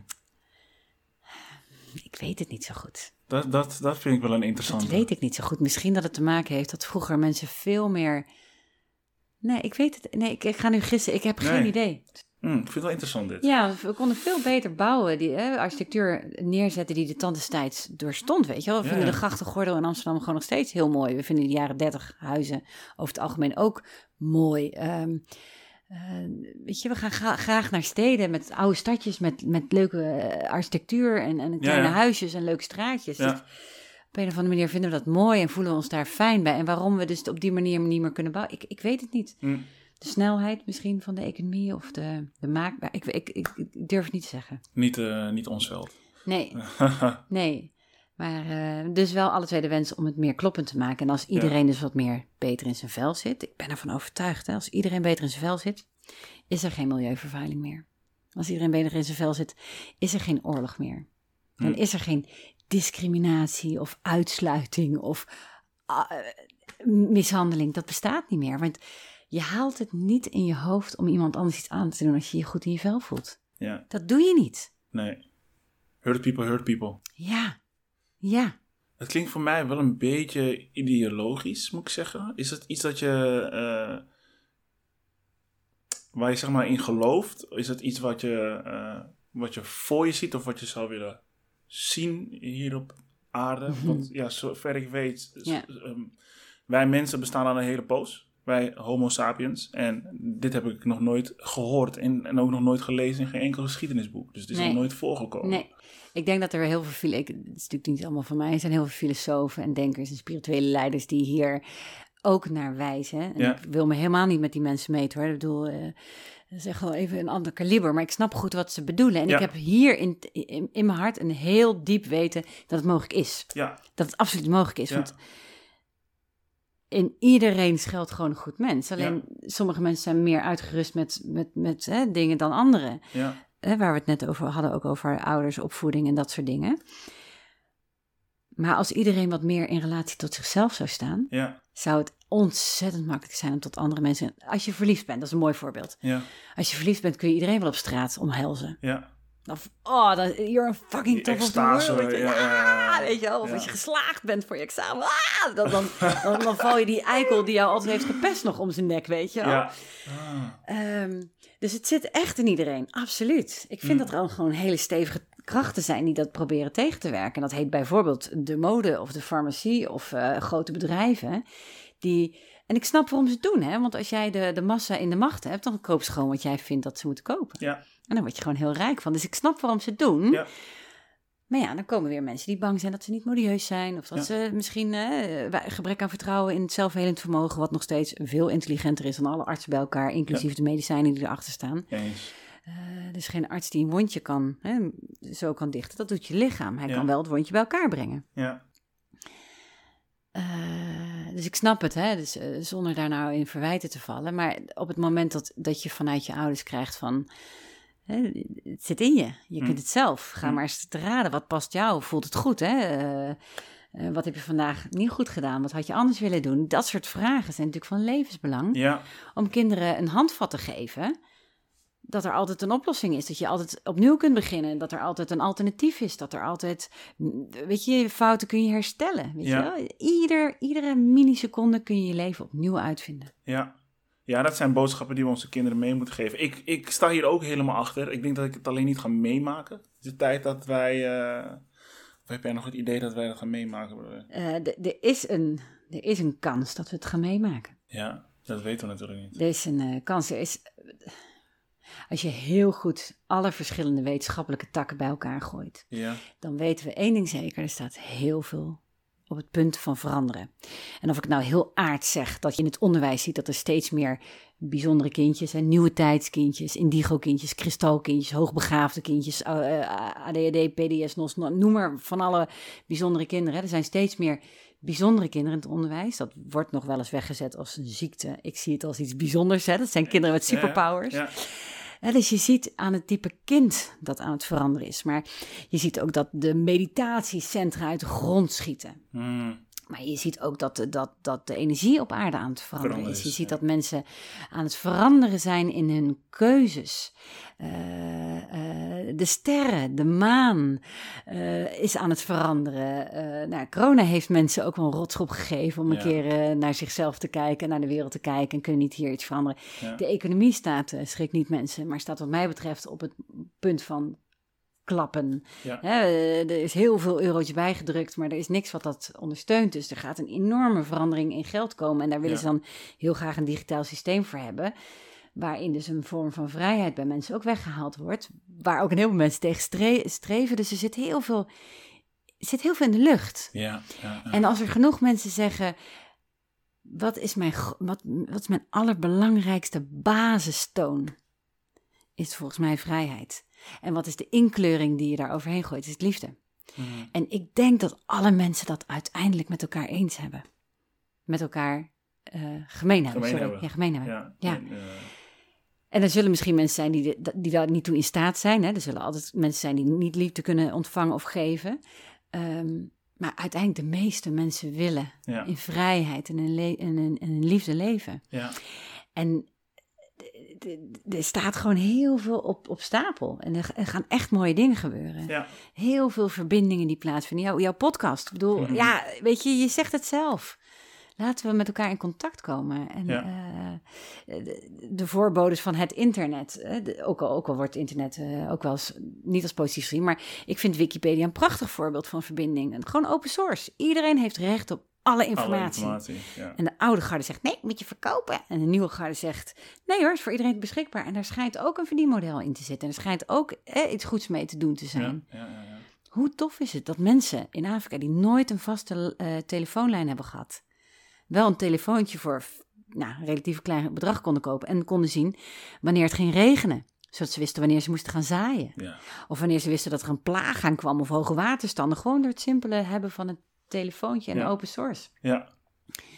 Eh, ik begrijp dat alles ook een, een downside heeft. Hè? Dus met, met, met internet kan je ook een heleboel eh, slechte dingen teweeg brengen. Maar ja, het, het, het is de, de grondlegging voor een mondiale verbinding. Dat is iets anders dan een, een één wereldpolitiek. Ze willen, eh, zijn boze monden die beweren dat er een één werelddominantie moet komen. En, nou, anyway. Ik vind dat we als wereld met elkaar in open verbinding mogen zijn Hm. vanuit vrijheid. Hm. En niet vanuit opgelegde regels. En dat is een beetje hoe ik mijn leven eigenlijk al eh, leef. Ja. Ja. Dat heeft me ontzettend veel geluk gebracht Ja. en, en, en plezier. En dat is eigenlijk wat ik voorzie. Dat als ik het, als ik het mag en kan bereiken, dan vind ik dat iedereen dat mag kan, en kan bereiken. Mooi. En dit- ik ben daar niet bijzonder in. Ik heb geluk, het geluk gehad dat ik dat dus zeg maar al een beetje per deed, zo. Maar ik weet zeker dat iedereen dat heeft. Hm. En als maar genoeg mensen dat voorbeeld kunnen geven aan een ander, helpt het Dan om de andere daar. Ja, dan krijg je ja. zo'n sneeuwbaleffect. En Ja. het is in ieder geval nu de tijd dat een mogelijkheid gecreëerd wordt, dat het sneeuwbaleffect mogelijkerwijs heel hard gaat rollen, waardoor we wel degelijk in een veel liefdevollere levens Samenleving. Ja. eh, vorm gaan komen. Ja, mooi. Ja. Ik, eh, ik wil richting de afsluiting. Want eh, we zijn al heel veel onderweg. Sowieso bedankt hiervoor. Er zitten heel, Mm. veel mooie, heel veel mooie dingen in. Ehm, wat ik altijd wel fijn vind om te vragen. Wat is voor jou de definitie van liefde? Hmm. Oei. Ah, ik wil duizend dingen zeggen. Ik heb Hmm. pas bedacht, en ik ben er nog niet helemaal over uit, maar het woord Ja. being in love, Mhm. volgens mij is dat de definitie van liefde. Being in love. Ja, en dan krijg ik bijna tranen van, denk ik, dan Oh, zal die ja. wel waar zijn. In love betekent dat je in de liefde bent. Wij vertalen het een beetje kort, door de bocht dat we verliefd zijn op een ander, Mm, maar je bent in de liefde. En dus als je in de liefde bent, dan, als je in love bent, dan voel je je gewoon heel gelukkig. Dan voel je je heel erg oké. mm, Dus als je in de liefde bent, als je in de relatie met jezelf bent en daar oké mee bent, als je daar vrede mee hebt, dan ben je dus, dan ben je dus in een bad van liefde of zo. Dan ben je omringd door liefde. mm. En kan je dus ook als voorbeeld, niet, we zeggen altijd we moeten een ander liefde geven. Nee, nee, volgens mij moet je die ander het voorbeeld geven wat liefde is. Want volgens Ja. mij is dat Je dus bent zelf. en dat is de uiting van liefde. Dus Ja. je bent in love, je bent in liefde. Dus wat is liefde? Is gewoon helemaal in senang zijn met wie je bent. Dus in relatie zijn met jezelf. Mm, En als je dus in de liefde met jezelf bent, dus in relatie tot jezelf bent, kun je liefde uiten. mm, Dat is niet geven. Ik denk niet dat je liefde kunt geven. mm. Want als ik liefde kon geven, zou ik langs al die deuren gaan en overal liefde geven en iedereen zorgen dat iedereen liefde zou Dan was hebben. het opgelost. Ja. Ja. Maar ik kan liefde uiten en een ander mag ervoor kiezen om te zeggen: hey, I like that. Interessant. En ze zeggen wel: je hebt iets gegeven. Nee, je hebt je laten inspireren en je hebt het naar binnen gehaald. Dus die hebben dan de, de, de uiting van die liefde Ja. als inspiratie gebruikt om dat bij zichzelf binnen te activeren. Mm, Het is, het is nog niet helemaal uitgedrukt. Ik ben er nog een beetje mijn hoofd over aan het draaien. Maar daar zit volgens mij de liefde van definitie in. Zelfliefde. Het begint bij in. Ja. Het begint bij zelf. ja. Dat wij, wij zelf die onvoorwaardelijke liefde zijn. Ja. Hm. Doordat je een goede relatie met jezelf hebt, Mm, ben je dus die onvoorwaardelijke liefde. Ja. Ja. Goddelijk. Ja. Super. Heel goddelijk. Ja. Evelien, ik wil je bedanken Graag gedaan. voor dit gesprek. Ik vond het, eh, ik vond het heel goed. Fijne chemie vond ik ook. Ehm, ik denk dat dit een hele waardevolle is.